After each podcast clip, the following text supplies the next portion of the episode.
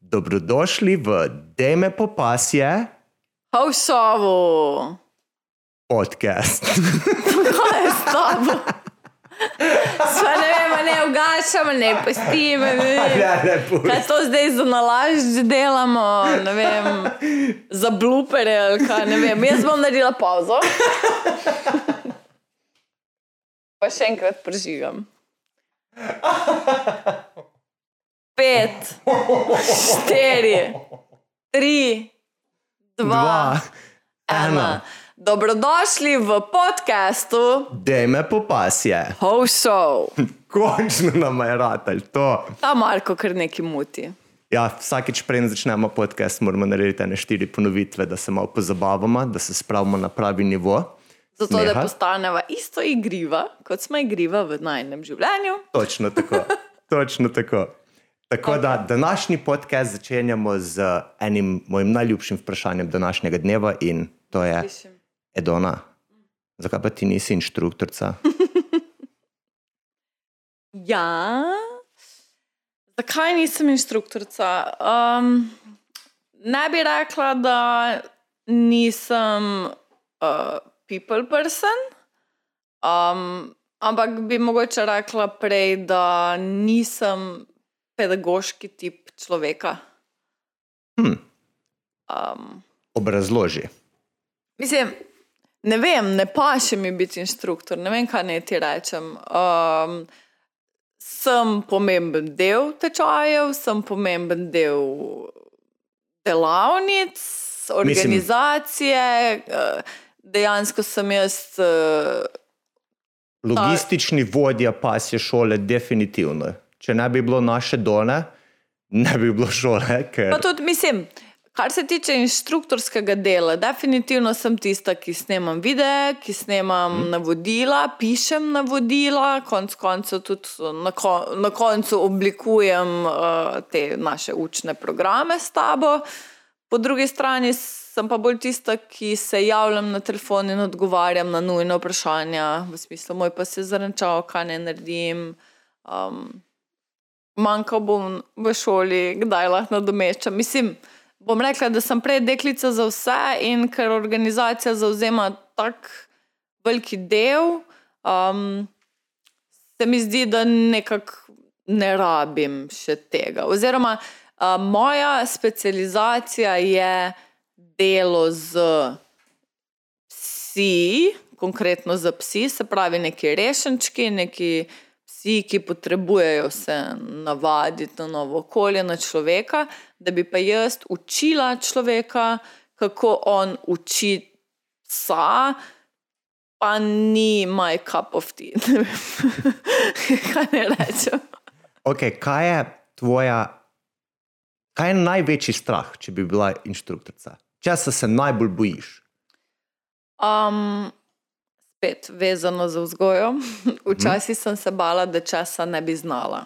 Um, da ne bi znala odgovoriti, oziroma da ne bi našla rešitve na nek problem. Zdaj osebno mislim, da so te um, dvomi, ali kako ne rečem, že daleč, ali pa mislim, da nimam več s tem problema, ampak Mhm. uh, ne vem, mogoče je ta.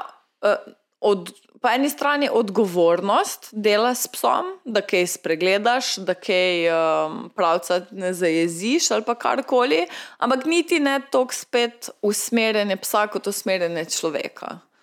Um, pravi, največji ti, problem imam, um, ali uh, ne vem, tako bom rekla. Jaz imam dve stopni. Lahko sem zelo šarf, oziroma sem zelo šarf tip človeka, tudi kar se tiče mojega dela za psi, sem zelo um, po postopkih, rada bi nekaj dosegla. Mislim, sem tako, bom rekla, kar strukturirano se lotim neke stvari. Do sebe sem taka, po drugi strani pa sem zelo nežen tip človeka. Se pravi, pri naših tečajnikih, pri vodnikih psov, sem jaz tista rama za zgodbe. Um, da spoznam ozadje človeka, človekove stiske, stiske, ki jih doživlja, ko ima psa. Se pravi, ta mogoče prej ter nek terapevtski del vodnika, uh -huh. če lahko temu tako Mhm. Ja, rečem. ja, ja, ja. In hkrati ne morem biti neka razumevajoča oseba, pa ta šarfica, ki bi bila, jaz sebe vidim v vlogi inštruktorice kot eh, tako odrezava, um, to pa ne bi želela biti. Se pravi, če je človek nezainteresiran za delo, oziroma če ima potencialno zelo um, delovnega psa, psa, ki ima neke, ne vem, nerazkrite talente, in jaz vidim, da bi lahko to razvila do neke stopnje. Um, in če imam na drugi strani pa človeka, ki tega ne želi, ne vidi, mislim, da bi me hitro v neko frustracijo, razočaranje vrglo, ali pa celo mogoče nervozo do nekega drugega človeka. Zdi se mi, da sem prehiter raz, razočarana okrog ljudi. Mislim, ko vidim, da nismo na isti valovni dolžini. Se, po mojem, je to res najtežji del dejansko poklica. Zdaj, vsaj meni je bil najtežji, pač se sprijazniti, da pri enih primerih pač ne bo uspel. Ne, da lahko se ti na glavo postaviš, da lahko delaš karkoli. Pa če ljudje niso resni, si lahko zadrezal, lahko si nesramen, lahko si najbolj prijazen, lahko jim pokažeš tisoč načinov, pa če ni interesa, ne moreš čudeže narediti same situacije. Ne? Zdi se mi, da ti si tak tip človeka, da si um, dost fleksibilen, uh, kar se tiče nekih potreb, zahtev, pričakovanj tvoje stranke, rečemo temu. Um, da znaš dost direktno povedati, kaj si misliš o neki stvari. Znaš tudi povedati, da nič ne delajo s psom in da če ne bojo tega delali, bo to, pa to, pa to, se pravi, neke vzroke, posledice. Um, Mislim, In tak- po drugi strani pa pač si tudi človek, ki si znaš razložiti, da nisi ti stoprocentno odgovoren zdaj za nekoga, kaj bo doma delal s svojim psom. Mislim, jaz si bom tako bom rekel. Ne jemljem si odgovornost za neverjetno pridnega psa, pa vzgojenega psa, isto si ne vzamem odgovornosti, da je pes katastrofa. Ne? Razloži. Ja, kot inštruktor, tako ni moje delo šolati psa. To do, doskrat dobim na prvi uri, ne? kako mi boste psa izšolali. Pa sem jaz tak, ne. Pes ni moja stranka dejansko, vi ste moja stranka, z vami delam. Ne? In je včasih ljudem se težko sprijazniti, da ne bom jaz prišel k njim in jim naredil nekega čudeža s psom, da bo zdaj pes priden, da bojo oni mogli delati. Ne? In takrat tudi največkrat se zgodijo problemi. Ne? Če so ljudje neresni, jim jaz ne morem tukaj pomagati. In ja, včasih so ljudje pač preveliki zalogaj si vzamejo, ne, z marsikim, ali, ali je to pasma ali življenjski slog, konc koncev ni pomembno. Ne, se ima lahko tudi dva mlada otroka med doma, pa delati s psom aktivno, to, ko določene pasme zahtevajo, je včasih dokaj neizvedljivo. Ne. In zdaj jaz kot inštruktor imam tukaj opcijo, ali držim nek program, tak boj, nikakor drugače ne boste delali po mojem programu, ne bom delal z vami. Ali pa probam To situacijo. bi bila po mojem prej moja rešitev. Ne? Zato ne bi bila rada niti inštruktor. Ne? Mislim, tako bom rekel, to je najbolj easy rešitev. Se pravi, ta rešitev te ne daje v nobeno kočljivo situacijo. Ne? Ker jaz bom zdaj tako rekel, meni ni cilj priti do ljudi pa narediti točno določenega psa. Jaz hočem ljudem dati psa, ko si ga oni želijo. Če ljudem paše, da pes skače njim po nogi, prav pa ne skače po nogi. Ne? Jaz jim ne bom rekel ne. Dokler ne gre v škodo psa, Ali pa okolica. ali pa dejansko okolice, da bo ta pes nevaren bil, mi je res, ne, mi dos, je vseeno. Ne. Jaz hočem se njihovim željam prilagoditi. Ne. S tem, da je po mojem največji poudarek na dobrobiti psa. Dokaj bom tako rekel, ja, jaz so moje stranke ljudje, ampak je cilj, je, da bo pes srečen, ker če bo pes srečen, bojo posledično tudi ljudje srečni. Ne.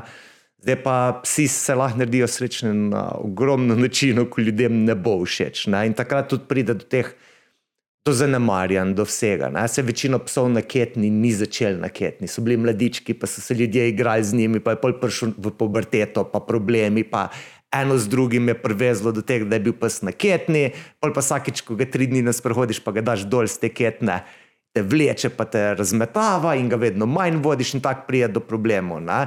S tem, da, bom rekel, je večina ljudi mojih strank hišni psi. Se pravi, ker ga ne moreš ti krmeti v hiši ali pa v malem boksu, ne? ker ti bo pojedel hišo. In po moje, pri neresnih strankah največ kaj delaš, je sam daješ jim primere, kaj se bo zgodilo, pa jim probaš predvideti situacijo, če bojo tako nadaljevali.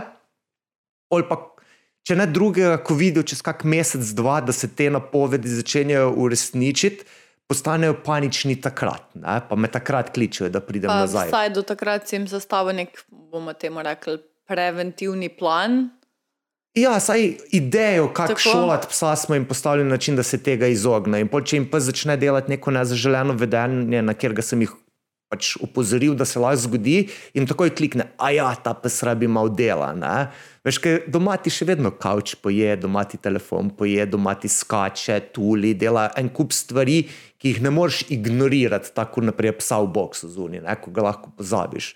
Tako da bom rekel, tudi to je najna specializacija po eni strani. Pač ljudi naučiti, kako živeti zdaj z živaljo v hiši. Ne?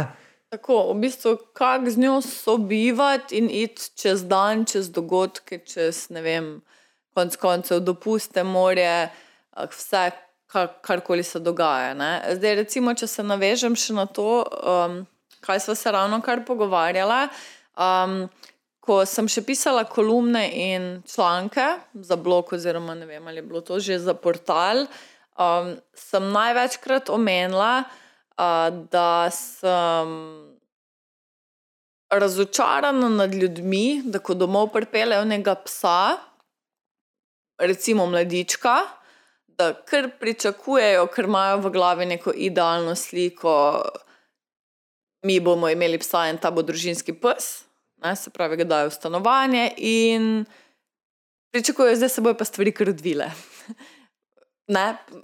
Nekako si predstavlja, da je to nek mali človeček, ki že ima nek program razumevanja, uh, lulat more ven. Ko mu rečem, sedi se bo kar usedel sam od sebe, ko mu dam posodico, ne vem, s hrano, um, bo lepo mirno počakal, pa potem šel do njene. Pač ljudje smo tako mal uh, v nekih idealih, glede psov, uh, družinskih psov živimo. ne. Uh, prvi lastniki so zaradi tega meni zelo delikatni, ker načeloma kar malo pričakujejo, da bo vsaj osnove pa že vedel, ne? da se je z nekimi navodili že rodil. In to bo zdaj super, pa se je prišel in se bo integriral v našo družino. Jaz mislim, da mm, ta začetna naivnost, pa konc koncev um, tvoja vloga dejansko, sploh koncept človeku dati, kaj pes kot živo bitje je, kaj je sploh, ne, to smo se že pred kratkim pogovarjali, mm, kakšne dotike. On potrebuje, koliko fejst ga, vem, lahko božaš, masiraš. Eni ljudje, Mene prav presenetijo, da se bolj kot ne z ne vem, konicami prstkov sam svojih psov dotikajo, da so tako nežni, tako vljudni okrog psa na način, veš, kot da bi imeli porcelanast kipec. Mhm. Veva iz vseh iger in kontakta izlega, da psi pa so fizična bitja, radi se naslonijo eno drugega, ruknejo se z ramo, grizejo se za noge, mislim, radi imajo borbene igre, radi imajo kontakte, masaže. Ne? Po mojem je to um, tudi po eni strani. In čar, po, dru po drugi strani pa kar kompleksna zadeva nekomu ta koncept dati. Ja, mislim, tako bom rekel. Jaz dejansko vsak individualen tečaj, se pravi, vsakič, ko nekom na dom pridem, si vzamem po moje prvo uro časa, da dejansko jim razložim, kaj je pes. Ne? To, ko se medva vedno norca delama, da to bi bilo super že v šoli začeti delati. Glede, da so otroci največ okoli psov, bi bilo mogoče dobra ideja tem otrokom, pa vsem ljudem, razložiti, kaj je pes, kako pes deluje ne? in s pomočjo tega, kako kak čutila delujejo, zakaj reagira na neko stvar, kot reagira. Veliko lažje iz njih naredim mini inštruktorje. Ker to je po eni strani moja naloga. Jaz jim nočem dati, deli to vajo, pa deli to vajo, pa ko boš te vaje naredil, si končal. Ne?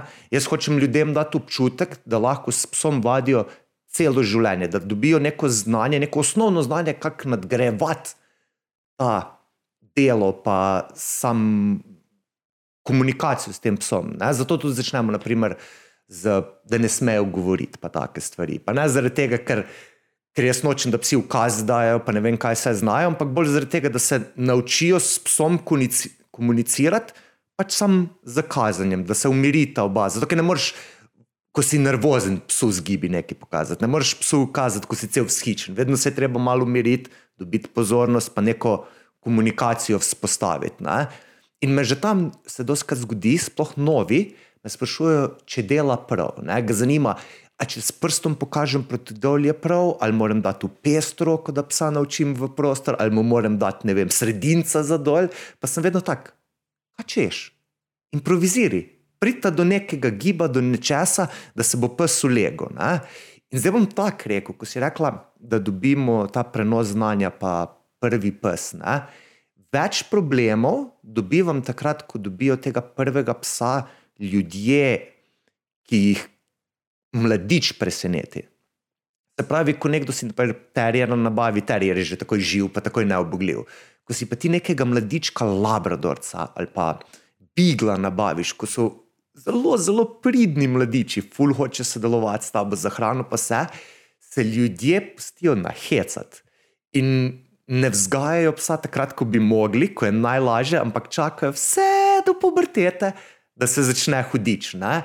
In tam imaš pa ti kot inštruktor dva problema. Ne? Moraš se razmišljati, kako se bom zdaj to lotil. Ali bom prvo šel človeka popravljati, bom človeku na novo dal neke vzorce, kako delati s psom, moramo na psu kaj nujno rešiti. Tam se, po moje, problemi začnejo. In tam imajo že tudi ljudje navade, ki jih nočijo vedno spreminjati. Ne? In po moje je to najtežji del, sama ta jih pripraviti na preobrazbo tega pridnega mladička, ki ga imajo doma. Ne? Verjetno bi rekla, vsak glede na količino mailov in klicev. Hm? Um, je obdobje pubertete, ne, se pravi, tam od 8. meseca, recimo naprej, dejansko največji vzrok klicev, ko nekdo rabi pomoč. Um, stvari, ki bi jih lahko preventivno skozi igro skozi priboljške, skozi zabavo, recimo, raziskovali z mladičkom v prvih mesecih, vsa pravila, ki bi jih lahko postavili v prvem mesecu, celo samo kontrolo, ki bi jo lahko od prvega dneva vadili, to, kar že tudi recimo, dobri vzreditli delajo, o tem smo že govorili. Um, Vse te stvari so v tem začetni fazi tako pomembne in hkrati tako enostavne in igrive, da mi je škoda, da jih zanemarijo, pa reče, eh, se bomo, ne rabimo neke pasje šole ali pa nekih navodil, česar koli. Tega mi je žal. Žal mi je tega začetnega štarta, ki je tako en, smešno enostaven, ampak na tako temelj vsega. Mislim, Najlepši občutek, vsaj ko inštruktorja vprašaš, je tisto dobiti mladička, ne popisan list, noben ga ti ni neki pokvaril neumnosti naučil in začeti od začetka. To je vsak inštruktor, ko si predstavlja, je tako. Oh, najlažja stvar na svetu. Če si mal priden, ne govorimo face priden, mal priden s tem psom, pa se držiš nekih pravil, pa si malce bolj strok na začetku, kot bi bil do mladička, ki je jo sladki. Ne? ti lahko zgradiš ti nekje do desetega meseca tako pridnega psa, da ti tista puberteta niti ne vrže stira, zato ker imaš ti ene dobre navade, pes ene dobre navade in je sam treba vztrajati. Če imaš pa ti nič navad, nič reda, nič nekih pravil, pa pubertetniku postavljati pravila, je tako, da bi 13-letniku začel. Od zdaj naprej bomo pa tako sobo pospravljala, da si predstavljate, sam kot starš ali pa kot nekdo, ki bo imel otroka, da si predstavljate, da začnete otroka vzgajati s pravili pa dolžnostmi, ko je star, ne vem, 13 let. Pa obupaš, pre, premagate. Takrat pubertetniki, če imajo kaj, imajo trmo, pa energije, pa neutrudnost, da tebe znervirajo. Verjetno si prisiljen, da si veliko bolj dosleden, veliko bolj oster. Veliko bolj, um, več imaš popravljanja kot usmerjanja samega psa, in to pa je del, ki ljudem, sploh ki imajo družinskega psa, crkljivčka, konc koncev razvajenega psa. Um, in je pa zelo težko biti, um, bom rekla tako, mal, malce manj občutljiv na stvari. Malo bolj gajsen. Ja, po domačem. ja ne. ne, ma- imaš prav. Sam, Saj, saj meni, recimo, meni je že tako v najnem tropu, v najnem delu, čez dan. Uh Mhm. -huh. Mi je ravno ta interakcija s pubertetniki mogoče najbolj tako um, za me mentalno naporen del, uh uh -huh. ker moram res si reči, da to je ta, na te, pri tem se moraš pa res držati. Ja, mislim, vse puberteta je po eni strani zelo pomemben del odraščanja, ravno zaradi tega, ker ti se kot mladič, kot otrok, kot kakršen koli mlad predstavnik, se učiš, kako je živeti v tem svetu. Ko pride pa puberteta, začenjaš pa testirati te meje. Ne? In seveda, vsak pubertetnik, ko je tukaj, testira ekstremno več meje naju, drugih psov, pravil, ki so tukaj vzpostavljena, pa tudi če je, kako bi rekel, pek, v katerem živijo, mu kažejo pravila, vidi, kaj so pravila, pa jih bo še vedno šel testirati. Bo, če bo videl, če bo lahko prišel prek. Ne? Zanimivo mi je, oziroma srečna sem, da vedno več um, pasi šol tudi um, poudarek namenja tem življenjskim obdobjem psa. Zdi se mi, da včasih se je zelo zanemarilo ta obdobja, predvsem obdobje pubertete, ali se je zelo pozno začel šolati neke poslušnosti, bolj take, bom rekla, poligonske zadeve. Um, in Če, če, če, se pa, če pa greš v neko vzgojo psa skozi razvojno obdobje, um, pa lahko zelo naprej, kot inštruktor, predvidiš, kaj se bo zgodilo. Ne? In potem ne prihajajo v neki um, miti in legende o psih, um, ki jih danes. Sreči, vsi postopoma razbijajo, ne, razbijamo, uh, govorimo o tem uh, in o uh, Pust v glavo. Kost v glavo, dobro, to je mogoče pol že v zrelem obdobju Ja, ja, pri ja. psu, ne, ampak tudi o gonitvah pri sanimicah, o obveznih leglih, o ne vem. Časovnica sopadanja z sterilizacijo, kastracijo pri živalih je bila včasih z, povezana tudi z obdobjem pubertete, ne, danes se kasneje te posege upravlja. Um, takrat je pa to vse skupaj sopadalo, da so ljudje govorili, in moj pa se bo zredil. To je bila prva stvar, ne. po kastraciji, sterilizaciji se je zredil. Um, začel zaganjati, ne, veliko, danes veliko ljudi še vedno reče, odkar smo ga kastrirali, se zaganja v druge pse. ne. Um, to so take, bom rekla, zelo navidezne povezave med uh, obdobji odraščanja, med temi iskanji maili, postavljanjem pravil, po drugi strani pa so sovpadale z veterinarskimi posegi. Ne. Tega imam ogromno. To je še ne. dan danes. Dan ja. danes zelo, pa hitro se zloži kaj tazga. Jaz sem največkrat je ta primer, da se pes po sterilizaciji zredi, ne? da se je pes zredil. Pa sem jih pol vedno jih vprašam, je pa jih jo še hranite s hrano za mladiče? Puni. Ja, do enega leta. Tak ne, ne do enega leta. Pa Ne? mogoče tudi um, um, psi se proti zrelemu obdobju tudi umirijo. Niso več tako aktivni kot mladiči, niso več čas na tačkah. Um, drugačen tempo imajo. Um, s človekom se že konec koncev že tako povežejo v nek ritual, v neke dne, dneve, da tudi človek ve, koliko energije rabi pa sporabiti čez dan, govorim skozi neke športne aktivnosti. Ja, ja. Uh, tudi psi se malo umirijo, postopoma, pač mi pa še vedno isto hrano, isto količino hrane devamo, Je to je to, prva ja. stvar. Um, potem s tem zaganjanjem, itak, uh, obdobje pubertete. Začen, začenjam se postavljati, začenjam markirati, začenjam vem, punce šarmirati na, na ta način. Um, seveda, prihajam v konflikte z drugimi samci, pa niti ne z odraslimi, z sebi, primernim, pri, isto starimi. Ne, recimo, uh, in je smešno. Ne, in včasih potem. Um, Si kar neke zaključke naredimo, ali pa celo obupamo nad psom, kar je meni osebno najhujše. ne. Se, se bom, da zaradi tega eh, se mi zdi, da ljudje, ki so od malega, oziroma odkar je kuža mladiček v neki pasji šoli, a, grejo čez te, bom rekla, osnovne programe, čez neke socializacije, um, čez njihove neke, bom rekla, preventivne vaje, ki so jih dobili. govorim in za našo, in za druge pasje šole. Verjetno se te vodniki niti ne zavedajo, čemu vse so se izognili. Ravno to, ko delaš z nekom, ki Kaj ima vse bi jih čakali, če ne bi šli čez te vaje, ne? ki so bile tako otroško lahke na eni strani. ni hujše stranke, kar se tiče, ko te pokliče, pač, da prideš k njim, ko imajo prvega psa, kot tisti, ki imajo prvega psa, ever. Se pravi, niso ga kot v družini, ko so imeli mali, niso ga imeli stric, pa teta. Se pravi, prva žival, prva taka resna žival, bomo rekli. In potem nimajo niti približno, kako bi rekel, ideje, kaj lahko gre na robe. Zato, ker če si imel doma porednega psa, ali pa enega, ki je bil na verigi, ali pa od strica, ko je skakal, en kup nekega kontakta s psi, ti saj veš, kaj ti je všeč, pa kaj ti ni všeč pri psu.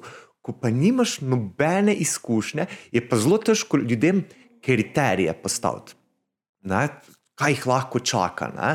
Je pa tako, te iste stranke lahko malce bolj prestrašiš, pa se zelo bolj resno primejo. Ker zdaj bom tako rekel, večina parov, ki jih dobim, samo, da delam z njimi, so zelo zagnani, so zelo podobnih situacijah, kot smo bila, naprimer, mi dva. Tak, Prvi pes, nista zihar, če je to to, bomo imela medva enega psa, bomo testirala vodice, gli smo se skupaj preselila, vedno je tisto, skupaj živimo pet mesecev, eno leto, ne, ko testirajo take zadeve. In takrat pa, takrat pa vidiš največ dela, tisto prvih. Tri, štiri mesece vidiš vedno zagnanost, vedno se drug drugem že dokazuje, tako sta resna. In s takimi pari je eno največjih užitkov dela. Res, ko prijem tak, ko imajo mladička, ko ga bojo handlali, ideja jim je, kot da bi ga kot otroka imeli, pol pa dobijo mene, ko jih pač preventivno delam na sebe, da ta pes ni otrok, da je to pes, kaj morajo delati z njim. In ko se držijo tega, je en res najboljših občutkov. Ne? Edina stvar, ki je problematična, ko začneš z nekom zelo zgodaj, je, da lahko ta človek, če je priden, zelo hitro naredi popolnega psa.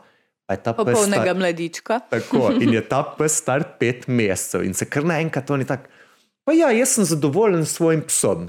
In To pa to. zanemarijo to. doslednost, Točno. vaje, in potem se začnejo pojavljati prvi problemi. ne. Mhm, Eto, ne, začnejo prve stvari in jih kar preseneti. Ne, kaj, ko si en cajt vajen, da je pes perfekten, pa naredi eno manjšo napakico, pa si tako, eh, se zgodi, ne, pa kar nekaj dve, pa pet, pa deset. Pa si nekaj, tukaj je pa en problem, pa čakaš še en mesec, preden inštruktorja pokličeš. Ne, in se težave naredijo v sekundi. Tako da ja, je poklic inštruktorja tak, moraš biti dinamičen. Ne smeš biti, sploh če delaš individualne vaje, moraš biti zelo prilagodljiv, zelo empatičen do ljudi. To, koncev, to ne. fleksibilnost, to dinamičnost, pa tako delajo neke izkušnje. Ne? Um, vsak začne na neki, bom rekla, teoriji, na neki bazi svoj, svojega dognanja ali pa nečesa. Ne? Hotla sem še omeniti, da verjetno um, je po drugi strani tudi težko pa včasih delati z kakimi um, zrelimi vodniki psov, ki so že v svojem življenju imeli več vrst psov, um, ali zaradi tega, ker že imajo neka pričakovanja, kakšen bi pa mogel biti, pa so pozabili mogoče za svojega pokojnega psa, kak je bil na začetku, ali problematičen, ali pa karkoli, se pravi, ne znajo, ne spomnejo se več, recimo, v katerih začaranih krogih so se vrteli. V tej fazi smo zdaj medva s Twixom, ne, ko že sanjarima. Pa ja, pa si ti Jackrabbits so Jackra. tako cute. Ja. Tu hudo, ne. Ja, ne, in, to, eh, ne, in ta starost, no, mislim, človek, ko gre čez več psov, oziroma um, si zelo hitro naredi neka pričakovanja, uh, ali pozabi na obdobje mladička, pubertetnika, po drugi strani se je pa tudi usmerjanje psov, šolanje psov skozi leta tako spremenilo. Mm, Da jaz osebno vidim v pasji šoli, da imamo za kakšnimi mogoče starejšimi tečajniki, ki sicer koncept dela s psom obvladajo, recimo neke osnovno vzgojo doma so že pogruntali, so že uh, naštimali, uh, po drugi strani pa jim ostajajo te cuki, te mm, veš, take podzate, po, podzavestne stvari, ki so včasih dost na bazi neučakanosti. Želim si, da bi bil tako priden, ko je bil moj pokojni, ne pes. Veš, po čem prepoznam, če je bila stranka tako zdaj, taki, kot ti govoriš, če je že hodila v šolo. Se pravi, če je s prejšnjim psom veliko delala, pa hodila v šolo. Veš, po čem to prepoznam? Vem, povej. Roke da, roke da za hrbet, pa, Aha, ja, pa tisto šolsko, Poza. tako so včasih roke za hrbet. In potem vem, naprimer, na kak način so včasih delali s tem psom. Večino ljudi, ko zdaj dobim dejansko, ko v našo šolo pride, pride z interesom, da bi zdaj bil pes v hiši. Ali so pa takrat šolali psa, pa so ga šolali, ne vem, da je bil za zunanji pes, pa se je kar naenkrat situacija obrnila, da zdaj bi ga pa noter imeli. ne. In bom tako rekel, doskrat so šokirani, ko jim predstavimo, kako mi delamo, pa kako bi se dalo delati s tem psom, so šokirani, koliko je lažje. Kako so se včasih, včasih je bilo tudi priti s psom, vem, da izpite se je delalo, mislim, da pri 18 mesecih, 15 mesecih, nekaj tasga. To se tudi lahko motim, ampak vem, da so približno si šola že starejšim. ne. Sploh te, ko so šli tako med 20 let nazaj. In ko enkrat dobijo mladiča v roke, dva meseca starega, ko vejo, kakšne težave imaš ti lahko s psom, ni težave s takimi, se zelo hitro prilagodijo. Ja, te cuki, ruki, Ne, a- pa to. Ja, seveda, mislila sem bolj izpostaviti, da tudi potem neka pasja šola ali pa inštruktori, mhm. zasedba, iščemo preventivne rešitve za ljudi, ne samo za pse. Ne. Skozi dost uh, govorimo o tem, da imamo neke preventivne vaje, da ne pride do grickanja, da ne pride do skakanja, da ne pride do lajanja, do česar koli. Um, Se pa skozi leta naši tečaji zelo prilagajajo tudi temu, da naredimo preventivo, da ljudje ne morejo na različne načine vplivati na svoje pse. Uh, govorim o tem, kot si že omenil, da um, na prvih urah ne smejo uporabljati besed, ker imajo že vsi v glavi, da je sedi, sedi, da je prostor, prostor. Ne ponavljajo neke besede, ki so psom še vedno neznam, neznanka, ki jih še niso spoznali. Ne. Morate vedeti, da besede so tako nepomembne pri psih. O tem sva že govorila. Um, šolski primer ne, vedno, ja, moj zna sedi, pa jim vedno, ne, vaš pa zna fehtati. Razlika je. Tako, ne? In uh, isto kot z besedami, je recimo tudi upeljava slednjih povodcev ena super zadeva, ali pa recimo teh um, sprehajalnih tekaških pasov super zadeva. Se pravi, da avtomatsko ne iščeš pozornost psa s tem, da ga fizično ali z povodcem k sebi vodiš, ali z rokami, ali kakorkoli že. Ne? Um, se pravi, da na, na njega vplivaš z svojo animacijo, Pa ja, mislim, se smo da ga konc, motiviraš. Ne? konec koncev smo dali gume na vadišče, samo zato, da imajo pse privezane na gume, da ne morejo imeti povodca v roki. se Tako, pravi, ja. da se morajo naučiti s psom komunicirati, brez da ga ti lahko cukneš, pa rukneš, pa ga vse potegneš, da Pa se morajo naučiti sam- zabavni biti. ne? Tako, pa tle tudi, da se razumemo, cukruk v smislu, ne vem, ljudje so, ko pridejo v pasjo šolo, to ne govorimo o nekih uh, resnih cukih, govorimo pa bolj o konceptu, ne vem. Človek pride v pasjo šolo, prvo uro je mal nervozen, želi si, da bi pes vse obvladal, že prvo uro, ne želi se soočati z dejstvom, da morda se kuža prvo uro še ne bo tako odprl, da se bo sprostil, da bi se igral, morda kuža ne vem. Ne bo imel interesa za nič, morda bo zelo imel interes. Ne? In potem so tako um, nervozni, ker niso samo oni tam, ker so odvisni od recimo psa ali pa pač, da neko vajo probajo, ne? morajo dobiti sodelovanje svojega psa. In potem bi kar nekako in igračo jim usilili, ne? bolj kot naj jim jo kar knoso skozi rinejo, ne? pa se vedno zdarijo, vedno da je tak. Zajec gre stran od psa, nikoli ne rine psu v gobec. Ne? Um, pol varianta, ne vem, kuža me noče pogledati. Ja, naj, ko bo inštruktor gledal stran, ga vse en malo spovodcem, bolj k sebi, ja. ribariš, ne vrneš tr, vržeš trnk. Pridi, glej, meš ti rekel. Tukaj me glej, ne, glej me, pa tista včasih, kar se mi zdi, da pri boljški je zglih to, da jim Ja, usta ne rinejo. Ne. Dudo, vzem. Ampak je fora v tem, da to je vse tako podzavestno, z veliko željo, da hočeš biti ti in pes, da hočeš biti piflare v šoli in vse že prvo uro obvladati. Ne? In to je po moje, to pa je moja naloga na tečajih, da ljudi potolažim. Rečem strpno, počasi. Razvijamo odnos, raziskujemo novo okolje, mladiček, ne vem, tri, štiri mesece je star, gremo počasi, dajte mu priložnost, ne vem, zafrkavite ga malo z igračo, pa bo imel interes, recimo, sploh za igro, ne, ne pa neki zdaj um, sili to psa. In se mi zdi, da glih ta ignoranca včasih v odnosu med človekom in psom, med mladim psom, mladičkom, prej pubertetnikom, nastane ravno zaradi tega, ker bi ljudje to kradi od tega psa. Skozi ponavljajo ime, skozi ne to, ne uno, ne tretje, ne četrto. Mislim, to mikromanaging delajo na svojem psu, da je psu, da je pusti me na mer. Čeloma, to mislim, da smo že zadnjič govorili. Ljudem se odpreti na tečaju, biti pristen, biti tam s psom je neverjetno težka stvar. Veliko lažje je govoriti psu ne, pa ga malo rukant, kot biti iskreno nasmejan, pa iskreno igriv z njim. Naprimer, to je tudi en večjih ciljev, kam imamo mi v tisti prvi uri dosež. Tak nek pristen odnos, da ona dva se naučita sodelovati. Ker vem, da ena najbolj frustracijska stvar, kar ljudje doživijo, je, da jim psa vzamem. Da oni probajo nekaj s psom delati, jaz pa velikrat nimam na svojih tečajih, sploh teh osnovnih, nimam svojega psa, ampak jim kažem, kako delati s psom, z njihovimi psi. Pač vzamem enega iz skupine, pa jim pokažem. In po mojem, ni večje frustracije, kot da s tabo tvoj pes noče delati, pa ga pa nek inštruktor prime, ko ga prvič vidi pa pokažeš stvar, ki, ki je tebe ignorirala, pa ni hotel s tabo sodelovati. Ne? In pol si tam začnejo neki, ja, pa vi imate neke posebne priboljške, ne vem kaj. Pa je tudi včasih je res, včasih je dovolj samo, da imam jaz poli salamo, oni pa neke trgovinske priboljške, pa se že učijo. Ok, drugič boljše priboljške prenesti. Ali pa že sam vidijo, koliko sem jaz bolj igriv, koliko, koliko se spustim na pasji nivo, koliko hočem biti psu bliže, ne?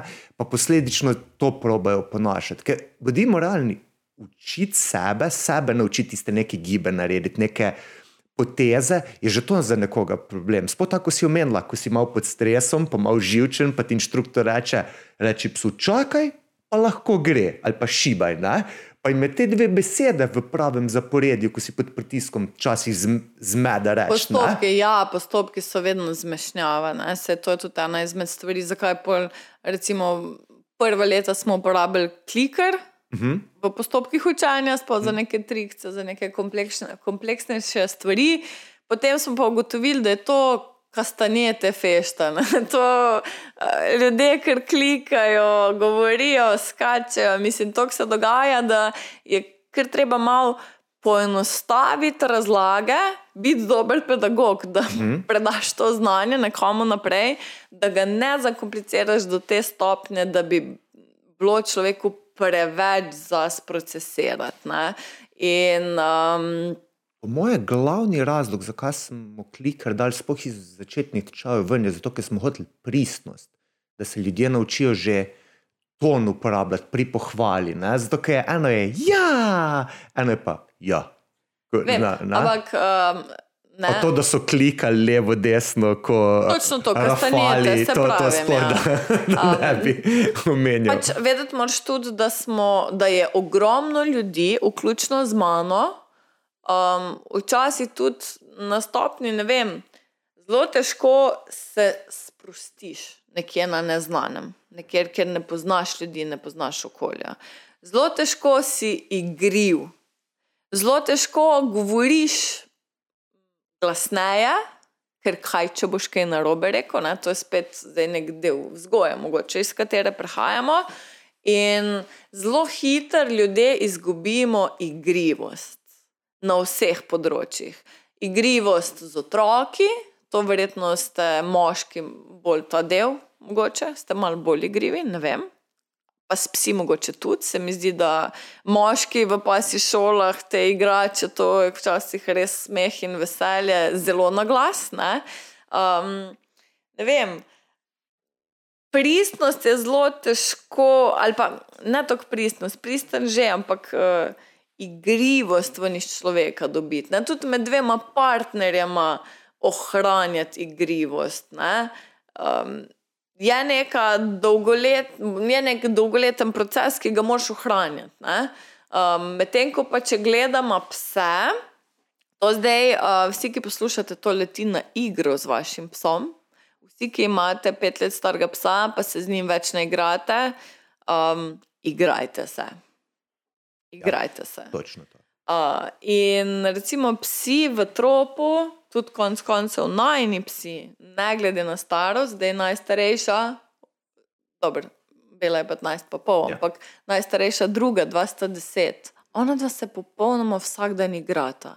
Res je. Interval igre, um, intenzivnost igre, ok, to je um, manjše, počasneje, tiše, um, manj intenzivno itak. Um, po drugi strani pa še vedno fizično, še vedno neko polaganje, še vedno um, res se znajo psi sprostiti. Ne? In tudi neka mama, ko ima svoje leglo, se igra z mladiči, babica se igra z mladiči. Uh, Tako da jaz mislim, da to pa je del, ko bi se ga mogli mi kar konkretno naučiti od živali ali pa konkretno od psov. Večno igrivi igriv. biti. Ja, samo, Oziroma se tudi učiti skozi igro. Ne? Moraš vedeti, da tudi naš šolski sistem je takšen, da mala šola, včasih ki je še obstajala, mislim, da zdaj to je kar vrtec, ki gre otroci prej v razred, šolo. Tako. Ja. Ja. Um, potem pa mogoče prvi razredi, prva triada se še zelo učijo skozi igro, potem se pa to vse izgublja.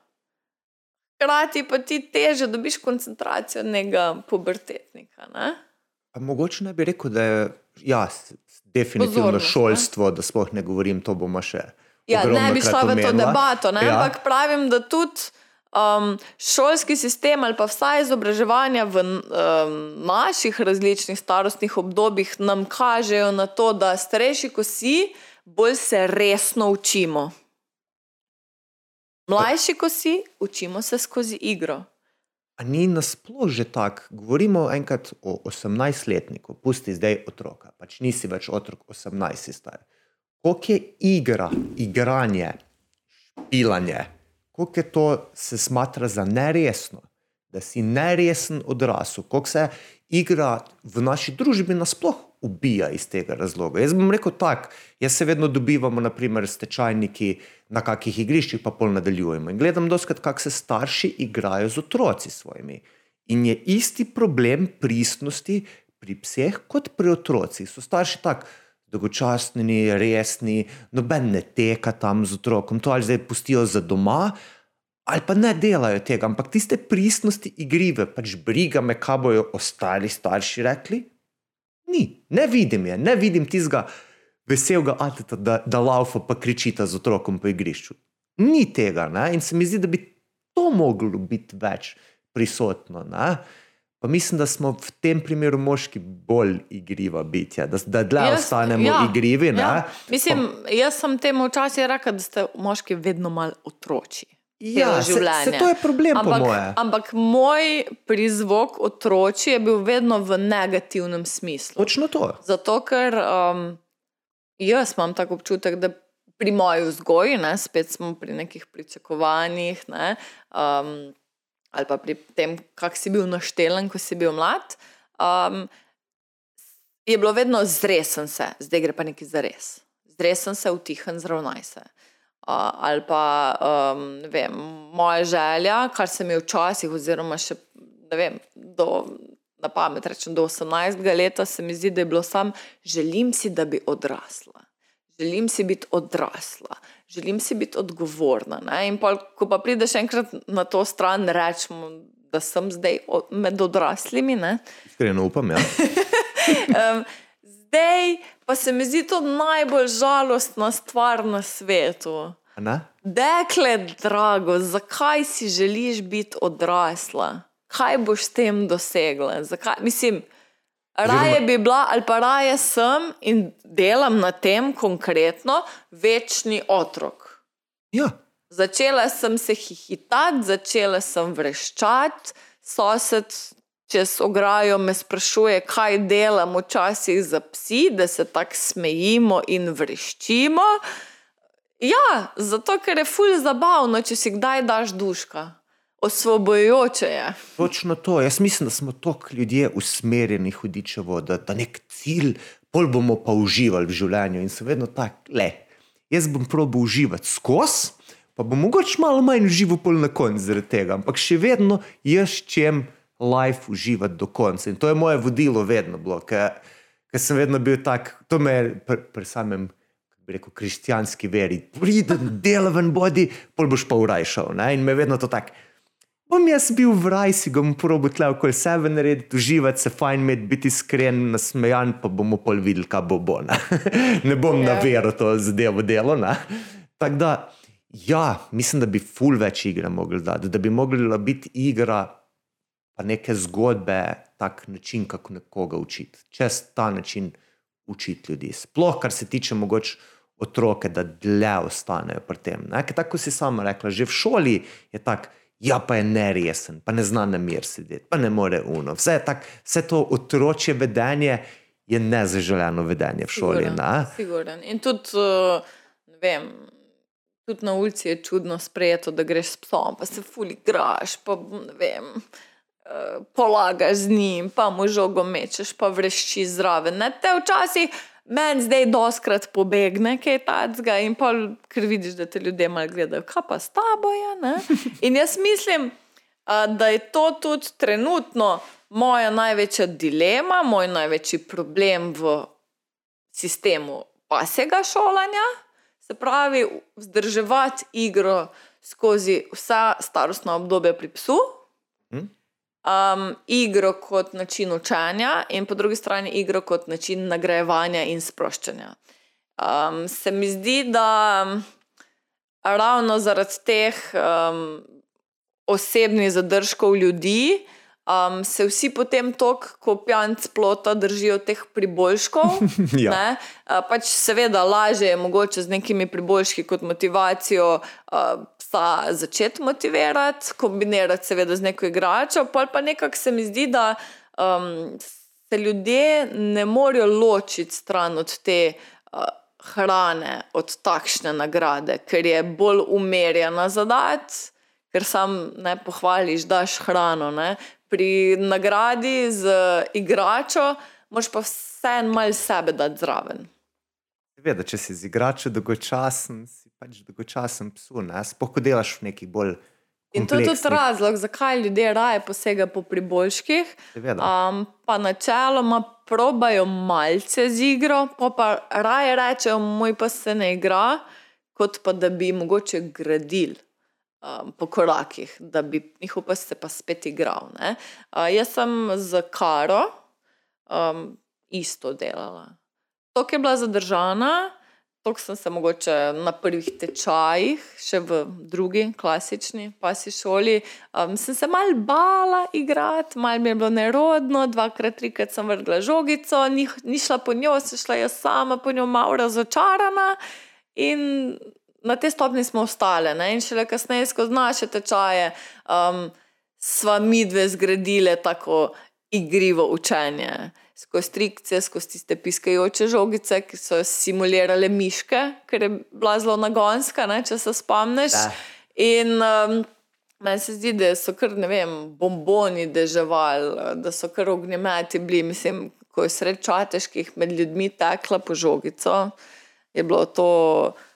Vem, največje veselje na svetu, pes mi je šel po žogo, ne? prvič, pred petih letih, na pamet pač rečem. Ampak ja, um, počasi, včasih je to igro potrebno zelo počasi graditi. Nasploh ne smeš si vzeti, sploh pri šolanju psa ali pač vzgoji človeka, ne smeš si vzeti nekaj, da se ti ne gre po planih, kot neuspeh. To ima največji problem pri ljudeh, da se tako fokusirajo na neuspeh. Ja, nisem hotel z mano igrati. Jaz si vzamem to kot izziv vse stvari, ki ti ne grejo, si moramo vzeti kot izziv, ne kot nekaj, kar se bomo pa zdaj izogibali. A ni mi hotel dvakrat žogice prenesti. Zdaj se pa ne bomo igrali. Ne bomo se več žogice igrali. Ne?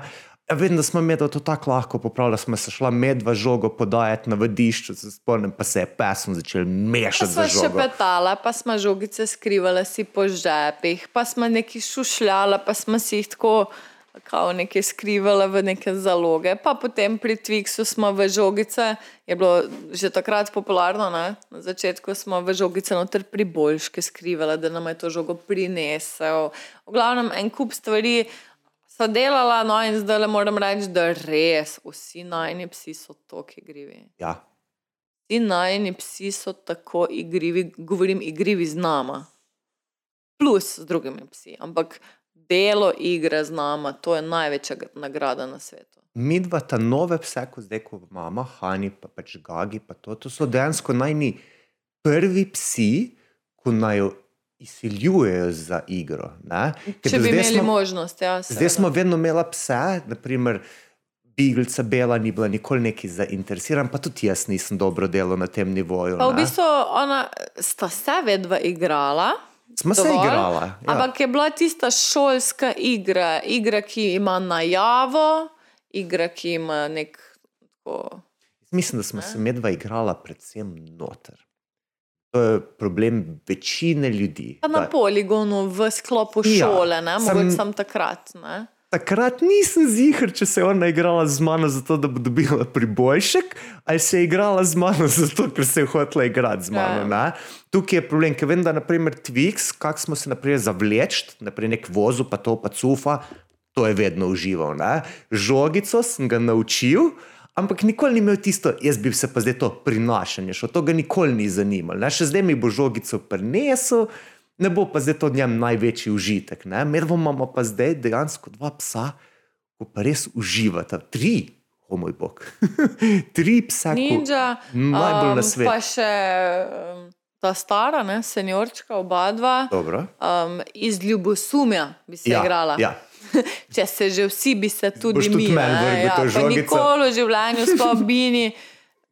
Posvojanček res se niso, po mojem, z njim nikoli glih Pol pa igrali. dvakrat isto ja. Žogico in je cel vesel. Kako se naj bi potem z njim poigral? Seveda. In tudi, recimo, igro ti ali pa nasplošno zelo rada uporabljamo za to, da se ljudje skozi njo navajajo dotika s psom, pes dotika človeka, um, potem da se navajajo psi spuščati, dvigati svojo energijo. Tempo, ja. Hype control. Tempo, tem hype rečem, control, ja. tako ja, to je ena super zadeva. Um, prav za sproščanje, ja, pa v bistvu za Mimiko. ne? Ne? Mimiko. Veš, tega je najmanj. Jaz vem, da ko smo mi delali naprimer, za našo online učilnico, ko jo imamo, smo delali videe, pa to pa smo vedno imeli tisto, kako ljudem razložiti, kako pomembno je. Ne? In vem, da takrat, ko je prišla tista raziskava ven, um, kaj je bila na radiju. Na, Ne, bila je v bistvu na Sloveniji ena, je bil Slovenija en ena. dokumentarec, kako pomembna je igra za živa bitja. Ne? Nasploh. Razširjeno, takrat je bilo vse od ljudi do divjih živali, do psov, niti ni bil podarek tok na domačih živalih. Ne, in so tam šli tako čez vse procese, analize, kaj se zgodi, če se ne, kaj se če se. In smo kar to dala še v učilnico, zato ko enkrat to vidiš, ti je tako, o moj bog, ja. Napake sem delal, zakaj se ne več. Ne? Pa že za starše je dobra ideja, se mi zdi, ne? ker se mnogi, po moje, ne povezujejo z otroci čez igro tok, na tak način, kot Ja, bi zdi se mogli, mi, ne. da, da je igra v vzgoju otrok včasih tudi malo kot um, izgovor, da pojdi se igrati, pusti me na mer, kot neko preusmerjanje pozornosti, uh -huh. da lahko starš počiva, otrok se samovoljno igra. Ne? Sej načeloma je super, da se otrok samostojno zna zamotiti. ne. Um, vseeno pa neka igriva interakcija mora biti. Mislim, mora biti. Je priporočljiva Def- za zdrav odnos. Pri otroku ali pa pri mladiču pač mora biti. Če mladiča pa otroka, po moje, odzameš igro, se pravi, da ga izoliraš Človekom. iz igre, je po eni strani zanemarjanje tega bitja. Definitivno. Če, ker to, ko se čez igro nočiš, dotik, sam kontakt s tem. Se zato smo mi, na primer, naredili program igralne urice, ker sem se jaz vedno zgražal nad idejo, Da si predstavljate, da imate otroka in greste vi z njim vsak dan se igrati na en travnik, kjer so tudi drugi otroki, sam se vaš otrok ne sme nikoli dotakniti drugega otroka. Itak bi bo bil bolj živčen, ko bo mogel priti bliže temu otroku. Če nikoli prijetno dotika mu na bilo, redu, ne? nikoli se ni igral z njimi, nikoli ni neke komunikacije če je vedno naučil. starš naredil kontakt z drugim staršem in to je bilo to. Tako, tako ne. A, že, zakaj dajemo otroke v vrtec? Zakaj je večini, ko jih vprašaš, zakaj si ga dala pa že v vrtec, ne, če ga ne rabiš dajati, vedno, da se socializira. In čez kaj se socializirajo drugega kot igro. Ne? In nama vem, da se je zdelo nujno v enem trenutku dati psom pač igro. Jaz mislim, da smo se medva večinoma, kaj, na kaj moramo dajati poudarek, dejansko učila čez stranke, ko nam v varstvo hodijo. Zato, ker meni je še dan danes cilj, jaz želim vam ustvariti psa tako, da mene ne boste potrebovali. Se pravi, da ne boste potrebovali varstva, da vam pes ne bo tulu, ko greste v šolo, da okay, ko greste na poroko, da ga bo lahko babica čuvala, ne, da ne bo tako nevzgojen, da ga moraš k meni pripeljati. In to mi je po eni strani bil cilj, ne, ker smo medva videla, s čim imajo ljudje probleme, kakšne težave nastajajo v celem procesu, pa zakaj jih nočijo kolegi čuvati, zakaj jih nočijo babice čuvati. In si tak, aha, in pol imaš tega istega mladiča ti doma in vidiš, to niso z njim delali, pa to. In smo si samo čez, skozi čas klukice delali, to moramo nujno v šolo dati, to moramo nujno v šolo dati. Ne? Ja, in igra, interakcija med psi uh, je mogoče ena najbolj največjih dilem ali pa največjih vpra- vprašanj, po katerem se pa se šole ali pa inštruktori nasploh tudi razlikujejo. In pač mi dva um, sva definitivno na strani igre med psi. Um, do, bom rekla, poglobljene socializacije, vodene socializacije, um, hkrati pa poudarjam na tem mestu, ne, ker včasih se narobe in, interpretira te stvari. Vedno v prvi vrsti je vodnik in njegov pes. Doslednost vzgoje, doslednost šolanja. Se pravi, vidva razvijata odnos, vidva razvijata svojo igro in to nikakor uh, igralna ulica z drugimi psi ni nadomestilo za ta odnos. Nikakor ni nadomestilo. Ne, to poudarjam na tem mestu, ker včasih se mi zdi, mm, da se izogibamo temam igre med psi, ali pa se izogibajo ostali v debatah, a, predvsem zaradi tega, ker imajo občutek, da je to easy way, da se ti lahko izogneš stvari, ki ti je neprijetna, za katero ne vem. Nimaš energije, ali pa daš psa nekam, da se poigra, da imaš ti mir. Ne? Ravno to, kar smo se zdaj pogovarjali o človeški naravi. ne. Um, jaz mislim, da je igra med psi obogatitev nekega pasega življenja, da je dodaten hobi, ki mora biti kontroliran in časovno, in območno, ne? se pravi, neko kontrolirano območje, um, kontroliran čas kontrolirana intenzivnost, ne, se pravi, ne more kar se vse zaletavati, pokati, skakati, ne vem kaj. Um, in je to lahko kot, ne vem, dodatek k temu, kaj vse vidva s psom delata. V tem smislu. Ne? Pomembno je, da pes se nauči kvalitetne interakcije z človekom, v svoji družini, z drugimi ljudmi, po drugi strani je pa neverjetno dobro, da zna pes komunicirati drugi, z drugimi psi. Da če na njega pes zalaja, če pes drug pes zacvili, če pes zarenči, da ta pes razume, kaj mu drug pes sporoča. In da se skozi izkušnje zna tudi odločiti, ali pa mu lastnik pomaga ga usmeriti, da konflikt izpelje, oziroma ne pride do konflikta. Ne? Se pravi, da pes, jaz imam največji problem s tem, da pride v družbo pes, ki je star pet let, nikoli ni bil v nekem konkretnem kontaktu z drugimi psi, vedno je bil nadaljavi na nekih poveljih, in potem en pes, ne vem, v vabilu, pojce igrati z mano zarenči. Medtem ko ta odrasel pes pri petih letih pa ne zna si niti predstavljati, ali je to grožnja, ali je to mrmranje, ali je to godrnjanje, ali je to res vabilo za igro. Ne? In tukaj se mi zdi, da iz malo tudi egoistične smeri odvzemamo mogoče psu možnost um, širše komunikacije. Kaj sem to zdaj zakomplicirala? Ne, Razumeš, ne, ne. kaj razlagam? Razumem, kaj mi hočeš razložiti. Ampak mislim, da kar se igre tiče, ja, je po mojem tudi največji faktor. Zdaj, same pasje šole imajo že s tem problem. Ne? Zdaj se ne morejo odločiti, ali je to dobra stvar ali ni dobra stvar. Ne? Imamo te dileme, oziroma vsaj, ko vidim različne pasje Mislim, šole, kaj Večinoma je za ali proti. Ne?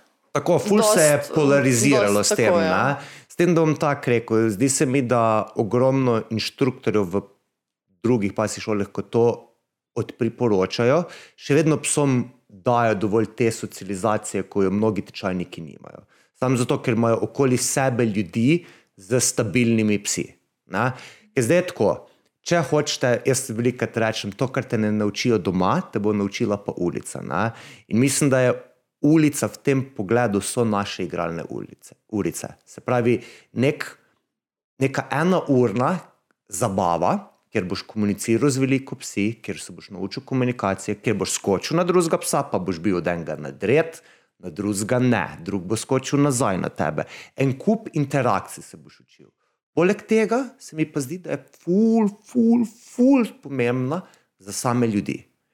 Koliko medva srečamo ljudi, ko niso vajeni, kakšno renčanje je dobro renčanje, Ja, kakšno ja. je slabo renčanje. Ne? In potem vidiš na samih igralnih ulicah ljudi, ko trzajo na igro, ki je čisto ne nevarna, ki je čisto normalna. In si pol tako vidim, ok, ta človek se malo boji psov nasploh, ni vajen komunikacije. In naprimer, da ti kot sam oseba prideš na igralne ulice, tudi brez svojega psa, pa če se bojiš psov, delaš sebi takšno uslugo. Zato, ker se boš sam sebe navadil na pse, naslednjič, ko vidiš psa na cesti, ne bo tak šok, pa se ne boš poskočil, pa cel zatrdel, boš malo bolj mehki, videl boš, kdaj je pes resen, pa kdaj se gradi za predfajtom, pa kdaj ne. ne. En kup interakcij boš že ti s psi naredil, oziroma boš videl druge delati in se boš skozi to učil. Niti Ja, ni tukaj ja, nujno, da gre sigurno. tvoj pes, čeprav za moje pojme obvezno. ne. Ker dan danes, a lahko ti kot lastnik psa, kjerkoli zdaj v Sloveniji rečeš, da nimaš soseda, ko ima psa. Jaz mislim, da je ne mogoče. Da bilo kje v pa, Sloveniji ja. živiš, imaš soseda, ki ima psa. Tudi če smo tako, medva živimo zdaj tako na samem, pa je še tukaj večji razlog, Pa da bodo sosedi imeli psa. Seveda, v bloku en ima tudi psa. Ne mogoče, da si edini v bloku, zdaj ko ima psa. Veš. Pa um, zelo zanimivo je tudi na naših igralnih uricah ali pa na splošno na vseh teh socializacijskih programih, ki pač se odvijajo skozi leto. Um, se vedno dela poudarek na tem, da gradimo samozavest psa, Mhm. oziroma da mu odpiramo mal pogled na komunikacijo z drugimi psi, da nek plah pes, zavetiški pes, posvojen pes pridobi na svojem jazu, rečemo temu. Ne? Po drugi strani pa, da je človek samozavesten, ko vodi svojega psa. Ok, pa če je to zdaj vse res, zakaj bi potem druge šole rekle, da ne delati igre, da niso igralne ulice dobra ideja? Slaba stvar, to me sprašuje, slaba stvar Ja. igralnih uric, razlog, zakaj ne bi Mhm. pustil, uh, je sigurno um, preventiva pred konflikti, kar morda se jaz ne strinjam popolnoma. Ker jaz sem, mislim, jaz sem tip človeka, ki bi otroku raje pustila, da pade po kolenih, pa se enkrat potovča, kot pa da mu 20krat rečem, pazi, čez to stopničko boš padel. Okay. Govorim zdaj bla, blagi konflikti, Ja, ja, ne, seveda, ne govorim seveda. zdaj, da vem, pa si boj. Um, Tako da je mogoče preventiva pred konflikti, da to ali pa slabe razvade.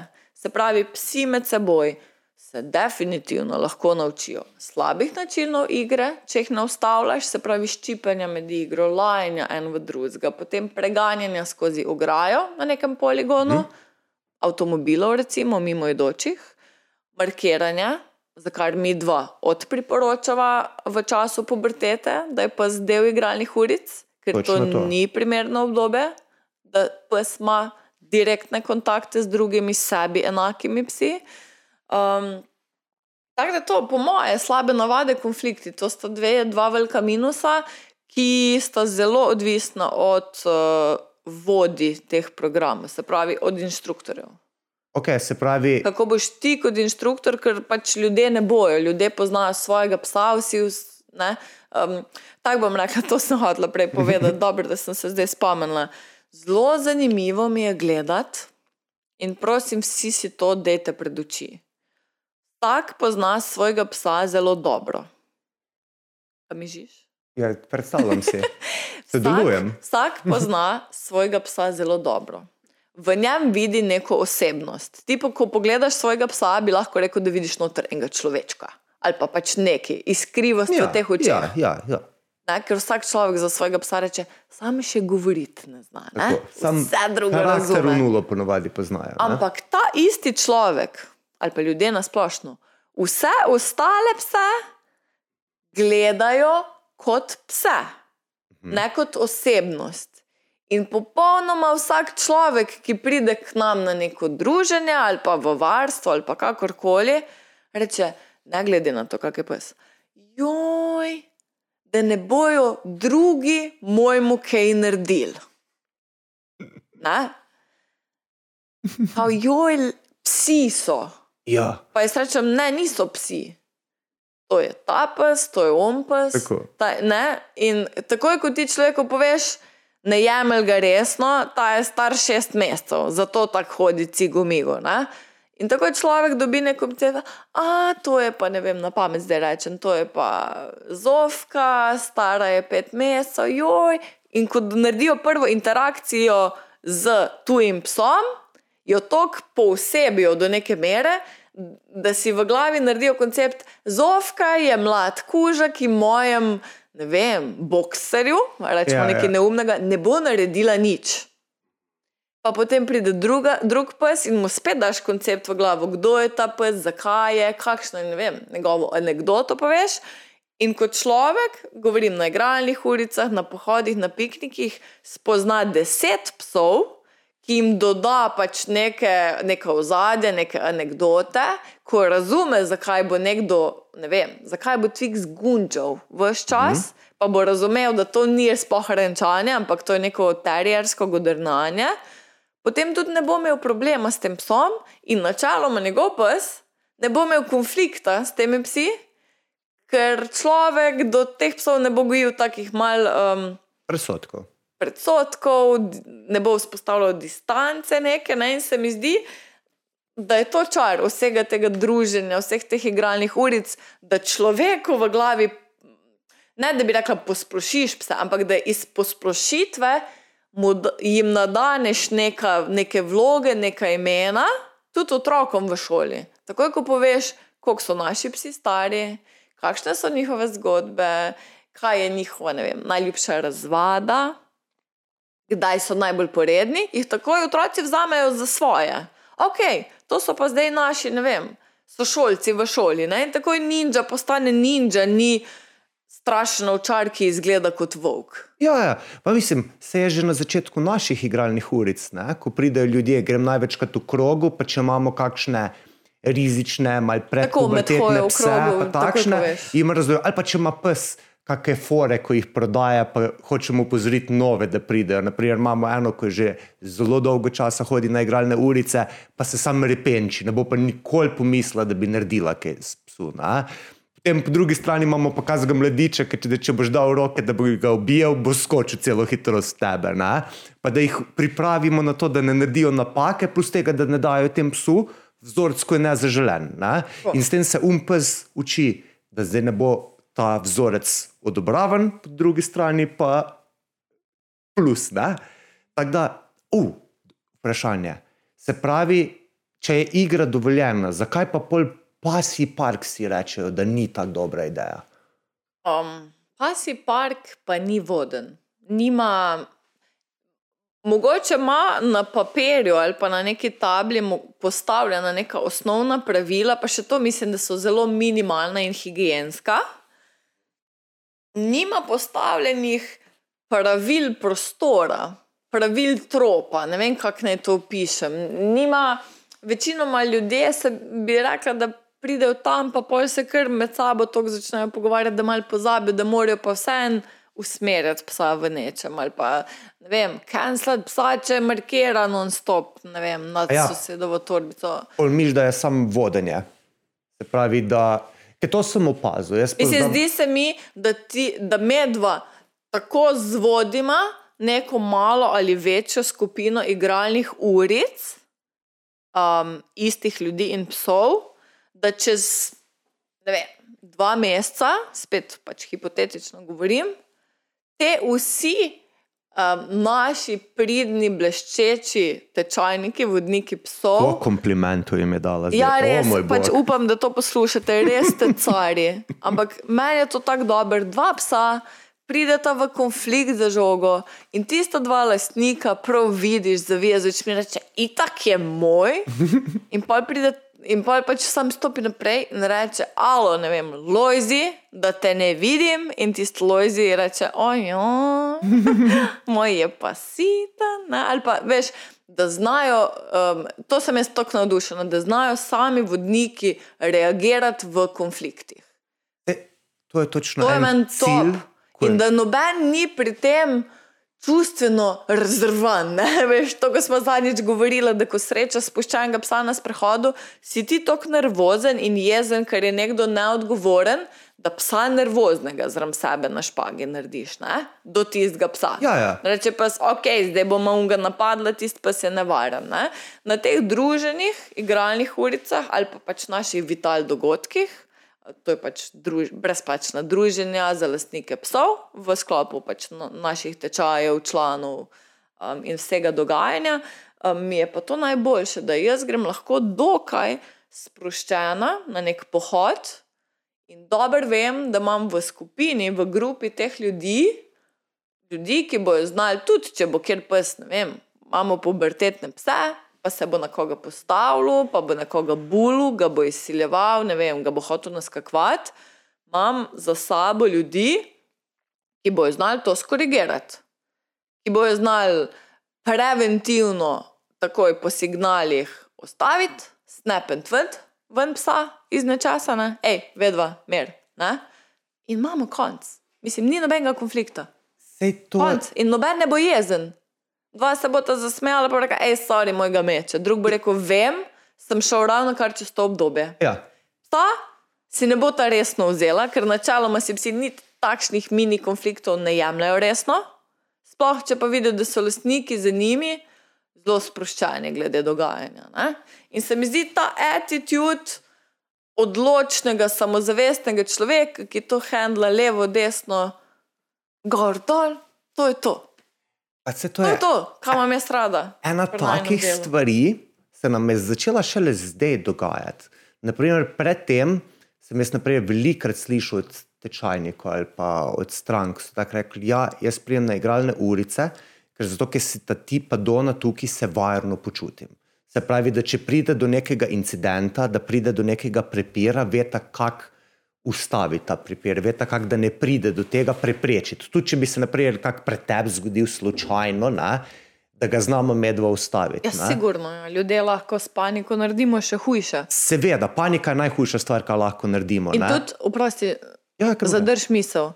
Um, zdi se mi, da je mogoče to tudi tako velika odgovornost za enega inštruktorja, da si nočejo tega stresa inštruktorji delati. Ker je to za naju, so, eh, za psa so super igralne urice, za naju so mentalno zelo naporna stvar. Tisti 60 minut je včasih hujše, kot da bi dvigovala in pa nosila ne vem kakšne omare po hiši. Mislim, da je tako Moraš imeti pozornost, ampak k sreči smo jo navajena ne? držati. Zdaj predstavljam si, da govorimo o povprečnem inštruktorju, ki nima pasjega varstva. Ne? Naprimer, za najo kot živimo v tem, nam je komunikacija, ne vem, desetih, petih psov na kupu. Meni osebno je včasih kar tako, oh, lažje. Ja. Skan prostora Ne. je zelo enostaven. Je zelo ne? enostaven. enostaven. Medtem ko da če si predstavljam, da bi to mogel nek novejši inštruktor, da bi bil on bistveno bolj živčen, bolj na trnih, bolj bi mogel analizirati. Ker jaz se doskrat sprašujem, če s tem, da sem jaz dost miren, pa flegma, ne dajem kakšnem tečajniku napačen občutek, kako je treba reagirati. Ali pa tudi, ko kako enostavno je včasih. tudi ko pride do tistih, kako bi rekel, mini prepirov, grem jaz zelo, tako flegmatično, doska tam dvignem, daj glas, če je treba na kjer, ampak nikoli, da bi šel uno živčno. Ne? Ampak to je za razlogom, ki sem se ga naučil skozi varstvo, da nimam te živčnosti, da ne bom jaz nič živčen, pa nervozen, rešil, da se ne bo fajn zaradi tega nehal, da moramo čim bolj hladni ostati. Ne? In zdaj to se pa naučiti, to pa moraš dati tok pa tok psov prek. Jaz To, to, ni, to, to je podzavestno. Eno se to rečem, se ja, izkušnje pač dobivaš, Ja. ne, počasi. Jaz osebno mislim, ja, da tudi um, na splošno, tudi recimo v varstvu ali pa na splošno v skupini dajemo občutek, da so stvari zelo enostavne. Da včasih tudi izpade, da naju zunani ljudje, pustimo zdaj Mhm. najne stranke, najne tečajnike, mogoče neki sledilci neke druge šole, naj jo zato malo kot nek jok dojemajo. Ne? Eh, sej oni imajo itak enostavne stvari, enostavno delo. Samo prijazne pse handlajo, ne vem, samo mladičke. Ne? Mislim, ne vidiš ti v zadju, koliko je tle postavljenih pravil, koliko je tle branja komunikacije, koliko jim psom medva od dveh mesecev ali pa še preden so sploh prišli v družino, medva v njegovi družini postavlja pravila, pa pa šele oni psa dobijo.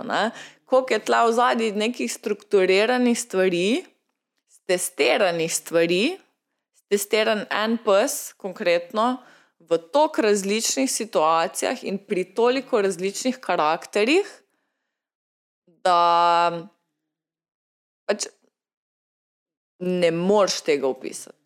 Če, te, če tega ne živiš, ne Ja, moreš. dobesedno. Ne, In ker, potem tudi ta najna navidezna flegmatičnost v skupini, um, pa to bom rekel tiho skeniranje, ki je sam na mentalno pa učili v Mhm. desno. Ne, um, ni to tako vidno. No. Ni to ne, definitivno vidno, ne. ni vidno. Ne. In tudi zgleda enostavno. Zato si tudi veliko ljudi reče, da jaz bi tudi to delal, to je zelo enostavno. ne." Dokler to, pa pri- je, to pa je ta zanka, um, ki jo nov, um, novi ljudje na področju kinologije, kjerkoli smer, mogoče se kar zaletijo na hiter. neki, Že varstvo ne. zgleda, spoh če gledaš samo najne slike, zgleda tako. "A Pa Ja, to je, da enostavno. Puže, ko imaš, vsi so pridni. Sploh medva, ki mogoče tako ne izpostavljamo posameznih psov, mm. ne izpostavljamo posameznih primerov, um, ne pišemo zdaj ne vem, kakšnih zgodb po vsakem psu, um, pa pa izgleda dost um, tako. Easy peasy, ne, ta interakcija. Medtem ko postavljati nekem prišleku pravila, zdaj govorim kadarkoli, ali je to na neki enourni, enournem dogodku, ali je to vem, na čuvanju, karkoli, to je pač res delo. To je delo. Ali pa tudi na strižni mizi. Pri striženju ti skozi proces večjih striženj zgradiš odnos z psom, neko zaupanje, da lahko, ne vem, Tako bom rekel. delaš, Jaz mislim, ne? ta sproščenost pride glih Skozi zdaj več kot desetletje grajenja svojega peka. Ne, ker naj osnovni pek, bom rekel, pač mi kot družina, so pač mi dva pa najni psi. Ne. S tem, da določeni, določene stranke, določeni psi, ki k nama hodijo že zdaj, nekateri desetletje, dobesedno. Desetletje, ne. ja. Nekateri so novi prišli, kateri, nekateri so mladiči, ki so bili kar pa se šolo pri nas delali, pa jih spoznamo, pa se pri, pridružijo peku. Ali zdaj sam za kratek čas, ali malce za daljše, ali pa enkrat na leto, se ni važno. Postanejo del peka in se naučijo pravila tega peka. Ne? In je nama po tej strani zelo lahko enega novega psa v obstoječo neko skupino, ko ima dinamiko. Ali pa, ali pa ne? nekega psa, ki, za katerega še nimamo, bom jim rekla, postavljene diagnoze. Um, enega takega psa testirati na različnih karakterjih, ki ni nujno, da so vedno karakteri najne, najožje celice. ne. Um, zavedati se morate, da vem, teh 10, 15, 20 psov, govorim na pamet neke številke, sodeluje pri socializaciji enega individualca, enega psa, ki je prišel k Markotu po ne vem, zvedenskim problemom, ki se dotika predvsem socializacije, ker temu namenjamo v svoj čas, življenje s psom, se pravi interakcija človek-pes, po drugi strani socializacija, interakcija psa z drugimi psi, zaganjanje v druge pse, pač to ne. In tega psa medva objamemo z vsemi karakteri na svetu, in ne, nismo nesigurna v druge pse, Ne. ki so pri naju, zelo smo samozavestni tudi glede rednih varovancev. Seveda. Uh, in tudi zato jaz tako trzam na tisto pse kosmat za ušesi. Ker ko ti poznaš svojo družino, ne glede na število njenih članov, zelo dobro veš, kje tiči zajec.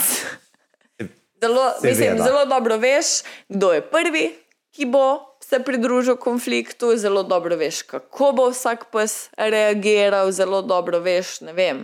Jaz si tega ne znam predstavljati, ker nisem v. Mislim, ne znam se v človeškem smislu predstavljati, ker nimam tako, tudi ti ne, tako velike družine, da bi vse čas skupaj bila. Ne? Ampak tudi nekdo, ki ima veliko človeško družino, mm -hmm. dobro ve, da če bo nekdo na družinskem kosilu dal eno izjavo, lahko ve, kako se bojo, ne vem, deset družinskih članov odzvalo na to izjavo. In točno ve, če bo prišlo do prepira, ne bo prišlo do, tepe, pro, to. do prepira, ali se bojo nasmejali na njegov račun, ali ne. ne. In pač v pasem svetu je isto. Pa že, če se dva družinska člana začneta v drugi sobi kregati, lahko hitro predvidevaš, kjer je začel prepir. Tako je pri nas, če se bo naprimer ena labradorka, kot k nam zdaj že res desetletje hodi, če bo ona začela lajati na enega psa.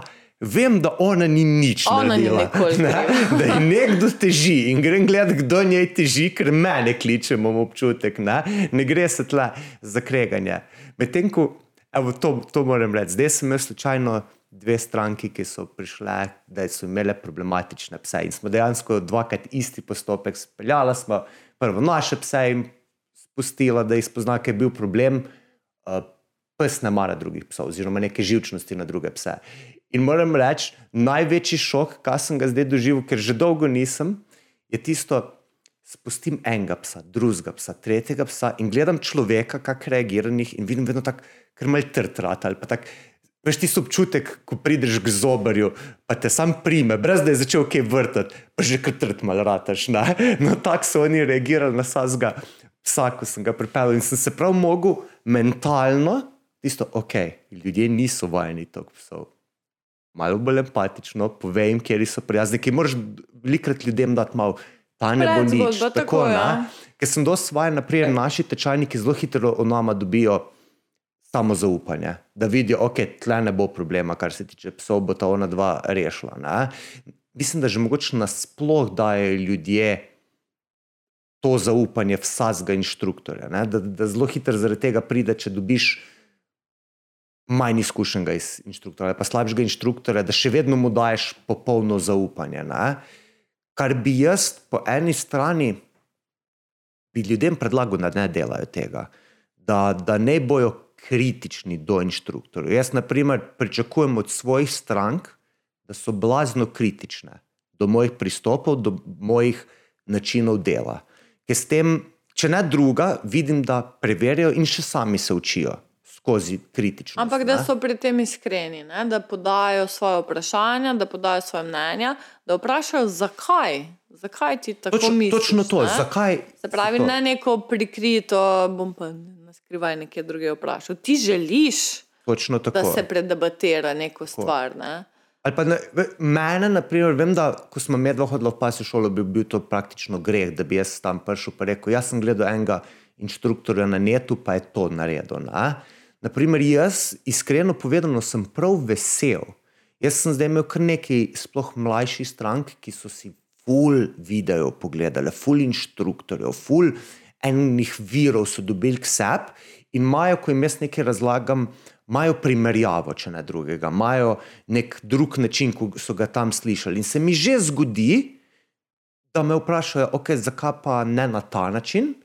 In sem, moram reči, prav vesel sem, da ko me vprašajo, zato ker držijo mene na nivoju, pač da sem ažuren z samim izobraževanjem sebe, da vidim kaj. Konec koncev se pa lahko hitro zgodi, da predlog, ki so ga slišali na netu, tudi ni tako slab. Da je mogoče boljši od mojega. Ne? In se jaz tako iskreno povem, probimo. Ker Toliko izkušenj imam, da vem, kje tehnike v teoriji, kako delujejo.